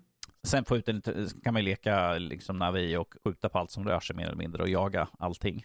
Ja, det är klart man ska göra. Känner du att manuset håller sig liksom att det är intressant eller känner du att det bara är liksom ett annat, det är bara avatar igen liksom? Alltså, det är, jag tycker det är intressant för att du som spelare Uh, får ju lära dig samtidigt om världen, om saker som inte har tagits upp i filmerna. Uh, liksom hur de hedrar de döda och alla sådana saker. Det finns väldigt mycket saker om, som man får höra liksom, i dialoger som kanske är vid sidan av. Mm. Eh, så jag tycker att det är intressant att de har ju tagit sig väldigt mycket tid och lägga in uh, saker som folk, uh, när vi pratar i bakgrunden sånt där man bara stå, kan stå och lyssna på. Precis som resten av alla Ubisoft-spel, ifall man bara står still på ett ställe så kommer de ha dialoger och sånt där. Men jag tycker det är intressant att du lär dig samtidigt, liksom om din klan, eller din stam och liksom om världen, hur, hur allting fungerar, hur de ser på saker, hur de ser på döden, hur de ser liksom på det här med att att du kopplar dig med din ekran, att ni har en koppling däremellan som bara döden kan bryta mer eller mindre. Mm. Så det, det, är väldigt intressant att lära sig samtidigt som din karaktär lär sig hela tiden. Jag tycker det är intressant att liksom följa den historien. Eh, och sen får man ju se liksom väldigt mycket av att hur eh, det, människans inflytande över liksom världen med sina maskiner och sånt förpestar liksom det är väldigt mycket eh, ett, också ett budskap om det här liksom inte förstöra liksom naturen vi har. För att vi har ju att de skövlar ju skog och sånt där, tar resurser och sånt där. Så det är, det är, det är också ett, eh, ett upprop liksom att värna om, eh, om miljön i spelet också samtidigt. subtilt så att säga ju. Mm. Du tar ju, du tar ju, ifall du tar sönder en stor station där de skövlar och sånt där så kommer liksom naturen sakta återhämta sig igen. Ja, ja, det kommer den. Precis, så, att, så, så, jag, tycker att, jag tycker att det är bra att de har sådana saker som är, inte, fast det är inte liksom in your face, men att det är liksom mm. subtilt. Det finns liksom en undermening he, i det hela. Um, det är det, bra. Tyck, det tycker jag är intressant för att de har bakat in och inte gjort det liksom att säga ta inte, ta inte död på naturen och sen liksom brr, brr, brr, utan liksom så här, ja, men du, du plockar upp det sakta men säkert. Det är ju bara en del av historien som rullar på och du omedvetet tar du in liksom att okej, okay, tänk på att värna om naturen här egentligen. Mm. Alltså jag tycker det är klart värt att plocka upp. Eh, mm. Men ska du verkligen få ut maximalt och liksom fläska på med grafik och sånt där så oh, du ska nog ha en ganska bra dator i så fall. Alternativt köra på en uh, typ en, en konsol i så fall. Mm. För, även fast, för jag satt ju och recenserade en skärm samtidigt och jag körde ju då i 4K.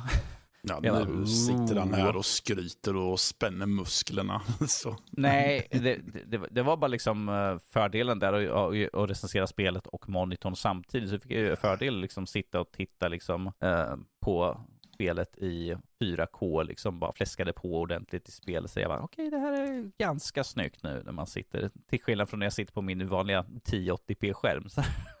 Det blir lite mindre, det blir ganska stor skillnad däremellan. Du sitter och äcklar klass och jag tycker bara, att "Åh, "Åh, usch, du, du är en usch." skymf mot andra monitorer. Usch! Ja, mm, ja eh, om vi säger så, den, den var 4K 144 Hz medan jag sitter på min 1080 280 Hz istället. Ja, ja, den, den har säkert andra kvaliteter. Ja, Mm. jo, precis. Ja. Det har, det har den såklart. ja, nej men jag har ju också spelat den här veckan. Har du? Har du ja, haft tid med det? Ja, jag har haft tid med det. Trot eller ej. eh, Sovereign Syndicate har jag suttit med. Det är väl ett, jag tror det kallas för CRPG. Jag är Mm. lite dålig på eh, korrekta genrebenämningar. Ibland Baldur's, så, Baldur's Gate-aktigt. exakta men det Då är var det ett rätt ord jag tyckte att det var, som jag tyckte var rimligt att haspla ur mig. Ja. Ja, nej, rätt. men det utspelar sig i eh, viktorianska London med ett steampunk-tema. Och eh, vi spelar som eh, tre karaktärer. Vi spelar typ som fyra karaktärer, men i huvudsak tre karaktärer. Mm. Som en brokig skara individer. Vi har dels eh, Atticus Daly som är en Minotaur. Det är nu jag tänker nämna att det finns lite antropomorfiska eh, karaktärer här. Det är en, det är en värld där fantasyvarelser lever tillsammans med eh, människor. Mm. Är det. Och han är som sagt en minotaur och eh, vaknar upp eh, efter att ha supit sig full på gin och stöter på en maskerad främling som säger att eh, Hörru du, jag kan hjälpa dig att hitta din eh, mamma. För du är ju föräldralös och du är värdelös. Tror jag till och med också att han nämner. Och Atticus har inget, eh, vill ju såklart veta vem mamman är, men han vill också veta vem fan är du bakom masken egentligen. Så det är väl bäst att jag går med på att följa dig. Eh, och så har vi Clara Reed som eh, är en eh, eskortflicka kan man väl säga. Hon jobbar på en bordell eh, Mm. och vaknar upp efter en natt hos en av sina kunder och eh, blir, ehm, eh, har som mål att hon vill lämna London eh, och fly någonstans dit. Hon vet inte exakt vart, hon vill bara bort. Eh, men hon har inte tillräckligt mycket pengar att betala den eh, skumme eh, sjökaptenen som har sagt att jag kan föra dig bort härifrån. Eh, Så hon blir indragen i lite skumma affärer i sin jakt efter pengar. Och så har vi Theodore Redgrave som är en irländsk dvärg som är en monsterjägare. Som, Of course. Ja, han har också en kompanjon som är en eh, automaton. En eh, slags eh, robot eh, kan man säga. Som heter Otto. Som han eh, knallar runt med. Och Otto är en väldigt eh, speciell automaton för att han har en väldigt, eh, han har en ovanligt stark personlighet för att vara en, eh, en robot. Och eh, Theodore eh, undersöker något fuffens i en kloak och det visar sig att det är en eh, våldsam individ där och eh, det är lite andra saker som försiggår eh, helt enkelt. Och kombinerat med det här då är att det även eh, härjar en eh, Jack the Ripper-aktig mördare som, ja, mördar eh, prostituerade brutalt. Och eh, vid ett tillfälle skriver personen också ett eh, brev till tidningen. Ja. Eh, och originellt. eller hur? Och sen så är det även eh, eh, föräldralösa barn som verkar försvinna. Eh, eh, visst, det går att jämföra spelet med Baldur's Gate för att det har typ samma vy eh, och så, men det är inte så mycket strider i spelet. Ett spel som man kan jämföra det med är Disco Elysium. Mm, Och det är okej. främst på grund av att det är mer fokus på att berätta berättelsen och att dina och att du eh, gör val i berättelsen som eh, du gör val under berättelsens gång som påverkar vilken information du får reda på längre fram och så. Men framförallt så finns likheten med att eh, du, din karaktär har som en inre dialog. Eh, så du, du ser dialog, dialogrutan där din karaktär säger någonting, NPCn svarar någonting, men så kommer en av eh, dina person, mentala personligheter in och skjuter in en replik. Eh, skillnaden, i, eh, skillnaden från Disco Elysium där de här eh, järndelarna då eh, betedde sig som egna personligheter som liksom argumenterade med huvudkaraktären. Så är de här skrivna i jag-form fortfarande så att det är som att det fortfarande är så att det är aktiva tankar som dyker upp i mm. karaktärens huvud. Uh, ja, okay. och de, uh, allt är väldigt välskrivet. Det är inga röstskådespelare i spelet, men vilket är synd på ett sätt, för det hade förstärkt känslan i spelet, men det är fruktansvärt välskrivet så du kan ändå höra i ditt huvud hur de här tankarna och replikerna är eh, lästa på för att de lyckas packa in väldigt mycket feeling i det, eller vad man säger. Jag, jag, jag tänkte först, jag bara, är det som i Senua Saga, liksom ord som liksom virvlar runt hans tankar? Ah, liksom, nej, inte, det hade blivit lite väl mycket kanske. Ja, nej, inte på det sättet, utan det är som att det, de kommer in som repliker, kan man säga. Mm. Uh, mer. Uh, att, uh, ja. Och det, det, är väldigt kul för, de för just de här Eh, tankarna förstärker verkligen personligheten hos den karaktären du styr för tillfället. Som Atticus har ju väldigt, eh, i och med att han är en minotaur, så har han väldigt nära till sina djuriska instinkter. Så det, han har väldigt ofta en del av hjärnan som heter just animal instinct som eh, skjuter in med att det här är skitsnack, slå ihjäl honom istället. Jag orkar, jag orkar inte lyssna längre, jag stångar honom. Kom igen, stånga honom bara. Bara stånga honom. Det, det bästa lösningen. Ja, men lite så. Och vid vissa tillfällen får du ju välja om du ska ge efter för det eller om du ska försöka vara lite mer analytisk och så. Mm. Och, en analytisk minotaur. Eh, ja, ja, men han, han, beskrivs, eh, han beskrivs som att han har ett väldigt starkt intellekt egentligen. Men han är väldigt hämmad av att han har så nära till uh, just att han är, just att vara lite burdus. Mm. Man säger så. Nej, men jag var väldigt förtjust i det här. Just det, en, en annan skillnad som är jämfört med andra rollspel är att Eh, du rullar inte tärning i det här spelet, utan de har ett system som är baserat på tarotkort. Mm. Jag kan inte riktigt beskriva det så att det är begripligt riktigt, utan det är att eh, du, det är som att du väljer att ja, men jag vill testa och övertyga den här snubben om att lita på mig. Och sen så kom, dyker ett eh, kort upp som talar om ifall du lyckades eller inte. Mm. Så, men det, det, och du kan även eh, om du spelar på vissa personliga traits hos din karaktär så kan du tjäna nya tarotkort för att eh, liksom välja nya delar av eh, dialogen. Är det då arkanerna, de här kända arkanerna som är, de är typ ja. Eh, ja. Hang, hanged Man, The Fool, alla de? Det är exakt de. Är mm. det. Uh, nej men det, det, är intressant är det och det gör ju en att vilja uh, det, det, får en att vilja rollspela lite på olika sätt för att eh, tjäna, eh, för att eh, samla på sig fler kort. Om man nu är lagd åt det hållet eller så går man bara som jag gjorde, att man går på ren magkänsla och det intrycket man har fått av eh, karaktären hittills.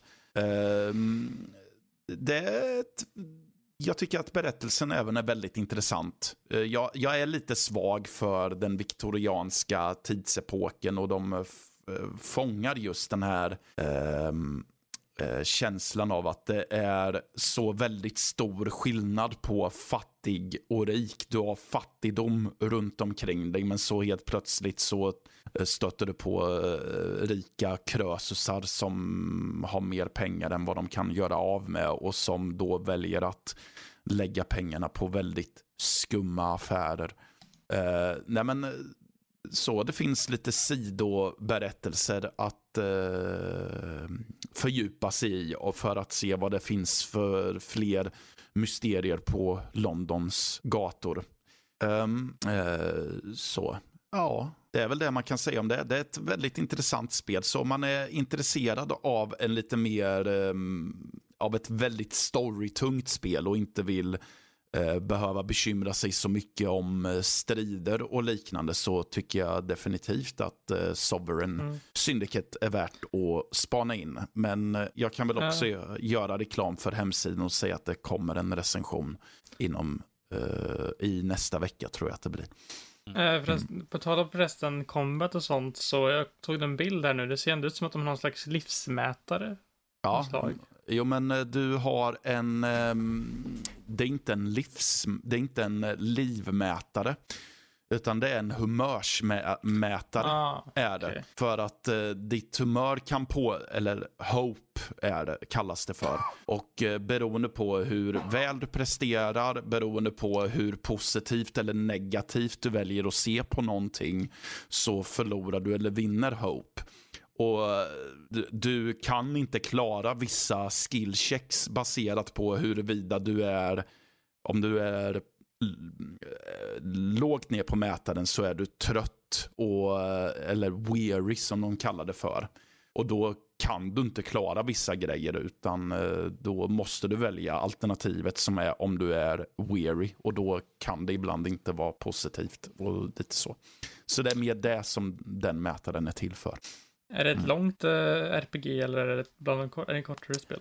Uh, det är... Uh, det det är ganska kort ändå. Kort för att vara ett RPG, men mm. ändå relativt långt. Jag tror att jag klockade väl in på lite under 20 timmar tror jag.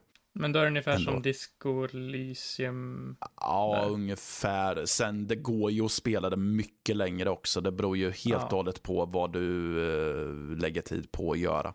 Liksom. kollade upp här på uh, How long to beat så står det 13 och en halv timme för huvudhistorien. Mm. Ja, ja, men det låter rimligt ändå. Mm. Det är ingen uh, Baldur's Gate 100 timmar ja, nej, nej, nej, nej, nej, verkligen inte. så.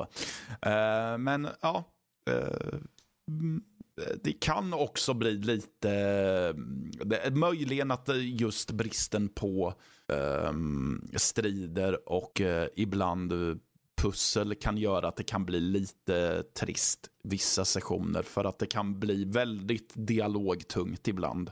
Uh, men det, på det stora hela är, tycker jag, är det inga större bekymmer tycker jag. Uh, Om det, är, är bra dialog och intressant så gör det ja, kanske inte så mycket. Ja, ja, och det är det verkligen. Och det, det är humoristiskt och uh, mörkt och obehagligt. Så det blandar och ger på alla nivåer helt enkelt.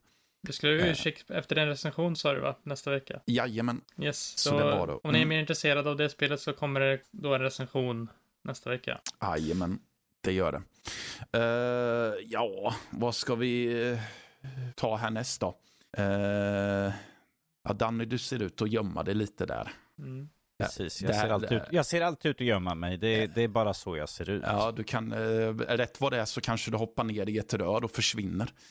Precis som Super Mario gör. Se där, jag kom på att fuck, nu lät det som att jag hade en segway som jag inte hade, men eh, se där ja.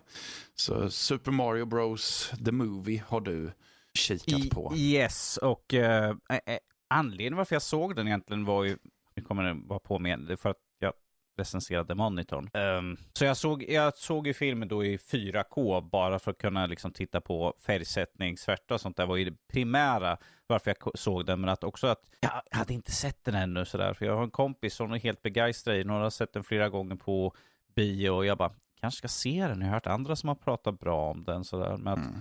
mest var jag också för att jag var Okej, okay, jag har hört allt tjat om att Chris Pratt är Mario, liksom. Hur kommer det låta? Och det första man möts utav i filmen är att man får se en trailer för deras, uh, deras firma och där pratar de bara Yay, it's a me, a Mario! Och sen liksom börjar de prata bara Åh, oh, det här är den bästa trailern vi någonsin har gjort. Man bara Jaha, de, de, och sen kommer det så här att var inte rösterna lite väl mycket? Och han liksom bara Alltså, det, fin det, finns att vi får höra honom liksom låta som, försöka låta som man tänker hur Mario-bröderna ska låta. Ja, jag säger Mario-bröderna för de heter Mario i efternamn. Eh, så att, shut up. Eh, men att jag tyckte det var en ganska kul film att se i alla fall. Speciellt när vi har eh, eh Jack Black som Bowser, vilket jag vet att när jag såg trailern första gången, jag bara, undrar vem som gör rösten till det här? För jag hade, jag, jag hade inte följt riktigt jättemycket på informationen. Ja, det är Jack Black. Låter inte som honom sådär. Och sen börjar han sjunga i filmen, jag bara, ja det är Jack Black. Ja. Han kommer, peaches, peaches, peaches, peaches. Man bara, okej, okay, Jack Black, så det bara skriker de. Alltså jag tyckte det var en väldigt underhållande film sådär. Vi får ju med väldigt mycket från eh, spelen. Uh, klassiska, ikoniska saker från filmen. Storyn tyckte jag väl var, det följde ju konceptet som det skulle vara. Det var mest mer en typ såhär nöjesparksgrej nästan lite så Ja, nästintill. Det, det skulle kunna vara en reklam för det här Mario, Mario Land eller vad det heter för någonting. Eh, Nintendo World. Eller Nintendo World. Jag bara, ja det skulle kunna vara bara, bara en sån reklam för det så att säga. Men jag, jag, tyckte i alla fall att det var en väldigt kul film för att vi har ju med mycket, vi får ju med till och med Mario Kart mitt i alltihopa, liksom de bygger sina egna karts så att säga de kan åka runt i. Vi har Rainbow, Rainbow Road, Road och ja. hela, hela stuket. Så jag bara, ja, vi har verkligen klämt in så mycket vi kan. Men den bästa scenen jag tror jag när Bowser kommer i inledning med sitt skepp liksom och landar vid pingvinstaden. De kommer ut bara liksom bara, hm, vi är jättetuffa. Attack! Kastar snöbollar på dem. Jag bara, wow. Det, ja, och de bara, är du rädd nu? Det här var bara mm. första salvan. Man bara, eh, ni har så läst fel på vad som händer här emellan. Så, så totalt idiot, idiotiska pingviner sådär. Eh, men att jag tycker det var väldigt underhållande film och mm. vi får ju även lite, eh, Luigi får ju lite inslag där Uh, av att han är så himla rädd och total med sig. Jag tänkte på direkt att vi kommer få någonting för Luigi's Mansion här snart säkerligen. Alltså, han springer omkring möter på uh, de här skelettsnubbarna. Uh, jag tänkte, jag bara, det här känns... Precis, jag bara det här känns Luigi's Mansion, vad mer kan vi få med in i alltihopa? Så här. Det undrar att de inte plattade till dem någon gång. Jag bara, ah, det är Paper Mario nu plötsligt. Så här. Vad tyckte du om den här uh, Luman som uh, den här stjärn den var... tokiga Luman. Death is release, oh it's a mm. fun day, shut up! Det var, väldigt, var så bara... väldigt udda och skum ja. liksom Luma där. Man bara, den där har nog fått något hårt i huvudet tror jag nästan. Så. Nej, jag tyckte det var kul och sen finns ju en, eh, en, eh, en slutscen som jag inte tänker säga vad den är för någonting, men jag tänkte säga bara, ja ja, okej. Sequel baiting. Ja. ja, men det är väl inget nytt. Det, det är det ju med allt. Uh, ja, ja, ja, men att Nintendo ju, kommer ju, har ju verkligen nu påbörjat liksom att få göra mer saker. Vi har ju Zelda ska ju komma och göras uh, nu. Uh, Live action-film. Live action var det precis. Och sen kommer det säkerligen komma en eh, som är animerad bara för att passa in. För att de vill göra en Nintendo World så att säga, där de har liksom Smash alla... Bros-film med Smash, Bro ja, Smash Bros också, så att... Uh, ja, ja, nej, alltså, jag tar gärna en uppföljare Avengers. till det här och jag tar gärna, ifall de har samma som görs, tar jag gärna en Zelda-animerad film också. Så. Metroid skulle det säkert komma, typ om du nämner någon Ninten känd Nintendo-IP så kommer det nog komma där. Det skulle ja. inte förvåna mig för att det, de har ju haft ett jättebra samarbete däremellan ju. Uh, så att why not? Alltså helt klart värd att se. Uh, inga problem där. Mm. Jag var väldigt nöjd sådär. Uh, ganska, ganska kort film, det är ju bara typ en och en halv timme. Jag, jag är ju What? så... Ja. ja. Och jag, jag, när jag tänker att ah, jag ska se en film, minst två timmar plus räknar jag nästan alla filmer. Framförallt om det är en stor film som har gått på bio och så nu för mm. tiden så tänker man ju alltid typ två och en halv timme. Det ska ju passa för barn och så. De tänker mycket för att det ska kunna passa för barn som inte har tålamodet också.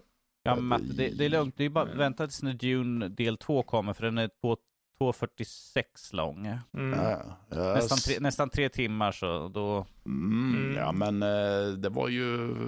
Första filmen var ju ganska lång också och den eh, såg jag ändå på Det var väl ännu, så... längre, ännu längre än så eller? Ja då. Det var bara att köpa en extra stor Första filmen är 2.35 så den är nio minuter kortare än del två. Ja, ja nej, ja. men man, man köper extra stora snacks och drycker så fixar man biffen. Det är inga problem.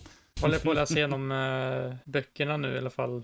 De, mm. de första böckerna. Så jag laddar in för Dune 2 nu. Så. Det ska bli mm. spännande. Ah, ja. ja. Sitter du och läser det? Okay. Ja. Um, Kommer det vara lika, tror du att det blir lika intressant eller kanske till och med intressantare än Godzilla minus one? Jag tror att det är två helt olika filmer, men eh, vi kan väl prata lite om Godzilla minus one som är eh, då Tohos senaste, eller ja, det Japan, japanska Godzilla mm. då, senaste Gojira, den senaste filmen där. Eh, och jag blev faktiskt väldigt positivt, så här, positivt överraskad på ett sätt på det här. För att jag har känt att väldigt många Godzilla-filmer, speciellt de amerikanska filmerna, har haft väldigt lite, det är väldigt mycket bara fokuset på monstret, liksom det här är actionmonster, det är väldigt tunn story, mm. väldigt svaga karaktärer. Men här har vi verkligen karaktärsutveckling, bra skådespeleri och ett monster som verkligen, när den är där så har den en anledning att vara där. Det handlar ju då om ja. Ehm, eh, en kamikaze-pilot. Jag kommer inte ihåg exakt hans namn just nu. Tror jag typ Tachibana, tror jag kanske var det han som heter det. Men han i alla fall då har misslyckats med sitt uppdrag att vara en kamikaze-pilot. Eh, och han har ju en ganska stor ångest för det här märks eh, i filmen att han Alltså kamikaze-pilot är ju självmordsbombare då, så de, ja. de ska ju, ja, Ja, eller typ eh, självmordskraschare kan man väl kalla mm. dem för nästintill. Och det är ju mm. mer eller mindre en remake på den första Godzilla. Det är väl första världskriget va? Uh, ja, jag tror det. Ja, det är första mm. världskriget i alla fall som har inträffat precis. Och, uh, så när han är på ett litet uppdrag då, Tachibana, så kommer en oväntat så kommer Gojira och börjar anfalla alla där. Och uh, han blir typ den enda överlevande där. Mm. Uh, och det man liksom, jag tycker väldigt mycket om scenografin också i den här filmen, för att verkligen se liksom den, hur, hur liksom världen har blivit förrörd, eller liksom helt förstörd av kriget och av Gojira liksom att alla lever liksom på minimum nästan och han har en flickvän som han bryr sig om som har ett barn eh, som man får följa. Och eh, det... Själv, eh, kamikaze-piloten alltså, inte ja, ja, Godzilla. Ja, ja, ja. men eh, jag tycker det är en väldigt det är en fin, fin berättelse liksom som är mm. Känner nästan att berättelsen i Godzilla Minus One är nästan, eh, det, det är liksom, jag skulle säga att Godzilla Minus One funkar även för de som inte är jätteinne i kaiju-filmer, för det är ändå en mm. så stark berättelse i det också. Eh, jag själv har inte sett supermånga andra Godzilla-filmer. Jag tycker Nej. att många av de som har amerikanska filmerna tycker jag är ganska så, ja, generiska CGI-fester mer eller mindre som känns lite så här. De kanske kan vara kul för stunden, men de ger inget ja. jättemycket efter. Men jag tycker att den här den känner ändå, även om den har, den har typ jättelåg budget också för vad de har gjort också. Jag tror det var typ 15 mm. miljoner, 15 miljoner tror jag det var de har lagt på den här. Och det är jätte, jättefina specialeffekter och sånt som de har gjort med många, många liksom minnesvärda scener och så. Så det... Ja. Nej, men, eh, jag tror att det bara var så. Jag har ju också det intrycket av eh, japanska Godzilla-filmer, att det är fokus på annat än bara just uh, att det kommer ett stort monster och mm. mördar staden. Uh, liksom. Så att de liksom... Så jag har också det intrycket att de uh, tänker mm. att nej, men vi ska ha en berättelse med, med tydliga karaktärer som liksom omsluter allting. Mm. Ja, jag, kör, eller, jag såg ju vet du, ganska nyligen också Shin Godzilla som är en av de senare japanska, jag tror den kom typ 2016. Mm. Och det är av samma regissör som har gjort uh, Neon Genesis Evangelion. Mm. Så det är ju såklart mycket politik inblandat i den här. Uh, är, är det den som går och släpar i marken hela tiden? Ja, den, det bara går rakt framåt hela tiden medan de typ i omgivningen bara typ pratar om massa politiska ja. grejer. Typ. Ja. Och den har ju mycket också så, jag tycker att den blir den lite segare att kolla på nästan än den här filmen är. För det är liksom, den här filmen känns mer som en, ja, en ett drama, typ lite såhär suspensfilm som, ja den väldigt bra välgjord film tycker jag ändå att det var. Mm. Så jag kan, jag kan rekommendera den både för de som är intresserade av Godzilla, liksom Gojira, och även för folk som är intresserade av ett bra drama också egentligen faktiskt. Eh, mm. Ja. Kul. Ja. Har vi något mer vi ska bjuda på kanske? Eller... Mm, ja, okej okay då. Jag ger mig. Uh, Danne, jag vet ju att du sitter och verkligen vill prata om Assassin's Creed, så det kan du ju få göra då. Får jag det? Ja, du får det. Du, Va? du jag, har min... jag, var inte, jag var inte riktigt beredd på att prata om det. Jag Mm, nej, okej. pratat så mycket om Assassin's Creed under alla år så, här, så nu Mm. Jag tillåta. Men nu. Nej, nej Nu om vi säger så här. Eh, eh, jag har suttit och spelat den nu eh, mer eh, sen vi tog eh, våran julledighet och nu under, här nu under januari. Så jag har suttit och verkligen plöjt lite grann i, i eh, spelet. Där vi då intar Mirage ro- alltså. Mir- Assassin's Creed. Mirage, vi får inta rollen som Basim. Det här är hans origin story. Hur han blir eh, den eh, assassin som man får träffa på i Assassin's Creed Valhalla. Eh, liksom från att han är yngre liksom till saker som förändrar hans världssyn och gör att han går med i The Hidden Ones, som de kallar sig. Eh, och eh, jag tycker det är kul för att det här spelet går ju tillbaka till första spelet. Det är, liksom, det är väldigt mycket mindre karta. Det är väldigt mycket mer simpelt gameplay sätt. Vi har inte liksom 58 olika eh, rökbomber att använda oss. Vi har inte liksom dubbla hidden blades. Um, så att det, du har ju drag, man drar ju ner väldigt mycket, det, som sagt. Jag har sagt det och jag står fast vid att det här är egentligen säkert en DLC som skulle komma till Assassin's Creed som de plockade lös och gjorde ett fullt spel utav. För att det är, det är Ubisofts MO rakt upp och ner. Men att jag tycker det är fortfarande ett väldigt kul spel, så även fast det finns väldigt mycket brister eh, i spelet, eh, vilket gör att det finns en anledning varför det inte var med på vår nominering för eh, Goti direkt. In, inte, inte, inte ens jag nominerat Assassin's Creed, då, då är det någonting som inte riktigt rätt till så att Det säga. var lite så här, ja, vi på Bingo-avsnittet, som ni, om ni har lyssnat på det, så sa jag ju på första delen där att jag trodde att Assassin's Creed Mirage då, må- månader innan det släpptes då, att jag trodde att det skulle vara ditt nummer ett. Men sen när vi hade haft Goti-avsnittet och jag typ inte hört dig säga någonting om det då, så bara, nej, jag tar bort det från listan helt och hållet, för jag tror inte Danny ens har kört det typ. Eh, Så, ja, och så har jag hört mycket blandade åsikter om det där spelet, så jag tog Mm. bort det från dig, men det verkar ju som att du ändå tycker att det var kul trots sina brister där. När du har fått... Alltså, eh, Assassin's Creed är ju en guilty pleasure för mig. Jag vet ju med mig att spelen har väldigt mycket brister och det är väldigt mycket repetitivt. Det är väldigt mycket same same. Du springer omkring som en lönnmördare och du tar död på liksom, eh, vad heter de? Eh, du tar död liksom på motsatta sidan hela tiden. Du måste hitta liksom deras ledare och sen tar du högre upp i rang och tar död på fler av dem. Men ändå fortsätter det år in och år ut med att det kommer nya folk man ska ta död på. Så det, spelen har ju inte en sån här jättestor utveckling. Här är ju bara mest att det här är ju väldigt mer en personlig historia liksom från Basim. Vilket jag har, jag har ett litet problem att det är Basim för att han är ju bad guy egentligen i Mhm. Mm. Valhalla så att säga ju. Ehm, i, slu- I slutet där ju. Uh, visar att han är, han är ju lite av en skit där. Ehm, för de som inte har spelat, eh, ni kommer, ifall ni ska spela så får ni, får ni tyvärr se liksom att han, han är inte liksom den han, man tror att han är. Eh, men att här får vi liksom se hans eh, ursprungshistoria, liksom hur han tar sig upp liksom, sakta men säkert i rank. Det är väldigt mycket annorlunda. Jag får ju liksom se, tänka om hela kontrollschemat varje gång jag sätter mig ner. Jag bara, okej, nu ska jag, ja just det, det finns inte kvar i det här spelet. Ja just det, jag ska göra, ja just det, det finns ju inte i det här spelet. Jag får gå tillbaka till liksom, äh, trycka på de här knapparna för att det är väldigt få saker och väldigt mycket saker som är på samma knapp mer eller mindre. Eh, alltså det är, det är kul för stunden sådär, men att det är ingenting som kommer lämna ett sådant här bestående minne. Jag tycker ju som sagt, eftersom jag har varit med från början, liksom, jag älskar första spelet, det är ett av de bästa i serien tycker jag, för att det är liksom det som skapar det. Så är det, tycker jag det är kul att de går tillbaka till eh, ett spel som är i dess anda så att säga. Mm. Eh, och vi är till, tillbaka liksom i samma område som första spelet. Så här. Nu är vi i Bagdad och liksom i Jerusalem och där liksom som originalspelet var. Jag tycker det är kul liksom att gå tillbaka dit. Jag är bara lite mer, efter att ha kört det här nu ganska mycket, jag håller på och länsar allt som finns på kartan. Det är klart det måste länsas så att säga. Men jag är mer nyfiken på liksom de kommande spelen för jag vill ha lite mer kött på benen, någonting som faktiskt känns som ett eget spel och inte liksom en, eh, en DLC vi har plockat och gjort eh, till ett, ett, eh, ett mellansegment av Assassin's Creed-historien. Mm.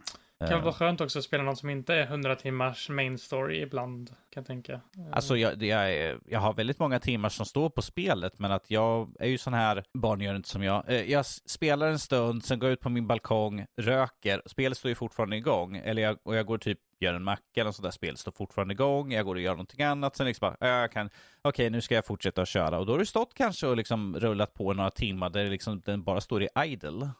Jag tror att jag har 35 timmar tror jag på min sparfil just nu. Jag kanske har hälften av det är faktiskt aktivt spelade timmar. Mm. Eh, så att det, ifall, man ifall man skulle titta på mina mängder av mina spel i spelbibliotek på Xbox, eller för Playstation också, de som räknar timmar, så kommer man se väldigt höga timmar. Men att det är inte aktiva speltimmar. Nej. Så, problemet är för att jag ibland kan jag vara lite disträ och då, går jag, då glömmer jag bort. Jag, det är mest jag sätter mig vid datorn, kollar på YouTube och sen tittar jag bort och jag bara, fan står tvn igång? Ja ah, just det, jag mm. spelar ju spel.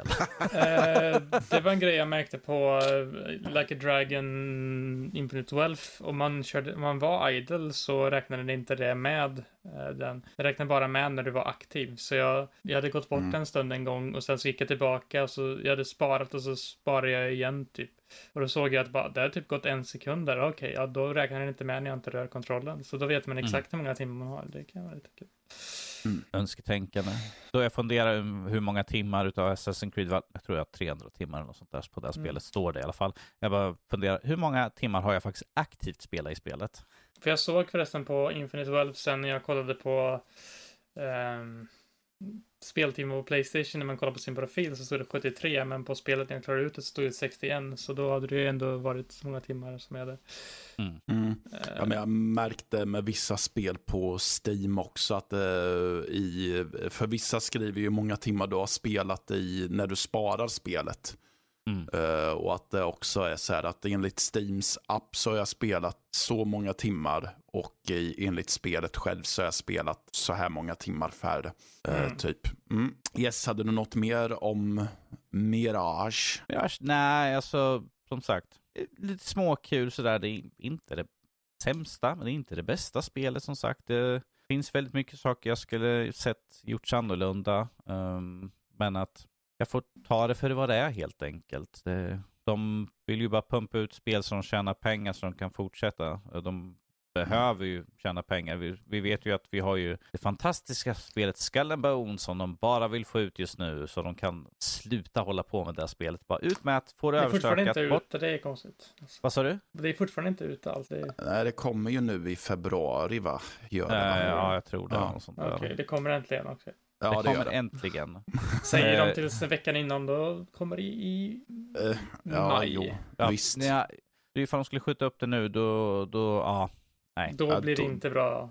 Nej, jag, tror, jag, jag, jag, tror inte det blir bra vilket som ifall de släpper eller inte. Jag, jag testade ju på när de hade en beta uh, och mm. jag var ju kanske, jag var ju inte så imponerad. Alltså det var ju inte så illa som jag trodde att det skulle vara. Men att det är ju så långt ifrån vad de faktiskt utannonserade spelet det var när de utannonserade första gången. Mm. Eh, när de ändrade om så mycket av det som de sa att spelet skulle vara. Så att, eh, ja, det här har ju gått från ett spel som jag har varit superintresserad av till att just nu är det liksom bara, släpp spelet bara. Jag, just nu, jag bryr mig inte. Åh nej. Danny ja. bryr sig inte. Nej, det har så mycket uppskjutet, det är så mycket som har gjorts om. och jag har ju sett trailers, jag har sett liksom, jag har spelat nu också sådär och det är ju verkligen inte vad de men, spelet skulle vara. Men du är ju Ubisoft-norsken. inte det högt. Nej, okej okay då. Mm. Ja, jag skulle ju nog kunna börja kalla mig det också. Jag har ju sett hur mycket jävla spel jag har som är Ubisoft. Jag bara, var det här också ett Ubisoft-spel? Ja, oh, nej. Ja, du vet att det är sant. Ja, nej, jag tänkte att det är nog dags att runda av. Mm. Tyvärr, mm. tror jag. Tror att det blir ganska lagom längd och lite så. Uh, och allt det där roliga som man, man, Jag vet inte vad jag pratar om. Uh, yes, uh, på vår hemsida så, som är nördliv.se eller nordlivpodcast.se eh, Eh, så finns det en ruta eh, för eh, Discord. Eh, om man klickar på Connect där så kastas ni rakt in i våran eh, Discord-server där ni kan delta i allehanda diskussioner kan ni göra. Det finns lite olika kanaler och så där. Så det, in där och socialisera er med oss och alla andra som är där. Eh, ni får he hemskt gärna glida in på den sajten och läsa våra texter också. Eh, recensioner, kröniker. Eh, det vi tycker att det är kul att skriva. Vi tycker att det är kul att ni läser det, så gör det. Um, ja, sen är det väl det här att ni kan gilla och kommentera på iTunes om man gör det fortfarande. Jag vet inte. Sa du Discord? Uh, koppling? Ja, det Hoppa var det in. första. Ja. Ja, jag, ja, jag, Jag ja. tror att det var det första jag sa. ja, men uh, Ja. då var det inget mer. Nej, eh, tack.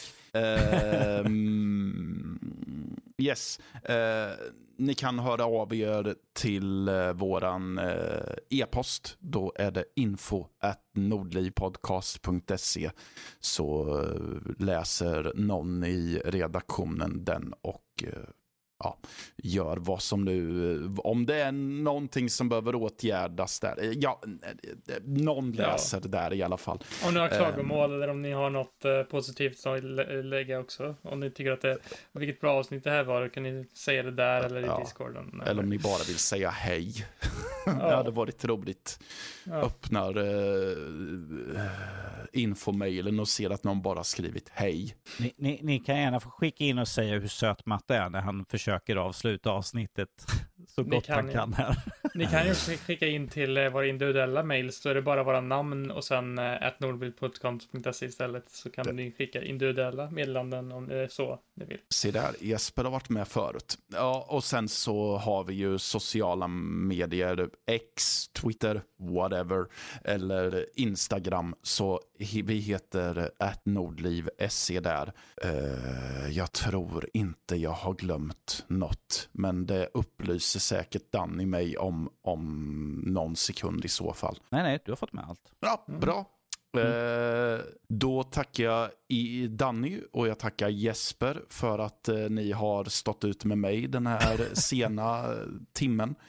Eh, och jag tackar till er lyssnare som har hängt med hit, för det är ju ändå tack vare er som vi gör det här. Så tack för att ni lyssnar och det får ni hemskt gärna fortsätta med. Eh, vi är tillbaka nästa vecka. Kanske inte just den här kon- konstellationen, men podden är tillbaka. Ja, Ja. Danny, vad Mm. skulle du säga? Jag ville bara tacka dig för att du var värd idag. Ja, tack. Det, det var länge sedan eh, och jag känner mig extremt ringrostig, men eh, det, ja, Det är ju Vi- bra jobb tycker jag. Ja, tack så mycket, tack så mycket. Uh, återigen tack till er som har lyssnat och eh, ni hör eh, någon form av nördlivskonstellation nästa vecka. Mm. Eh, så tills dess, ha det bra och hej då. Hej då!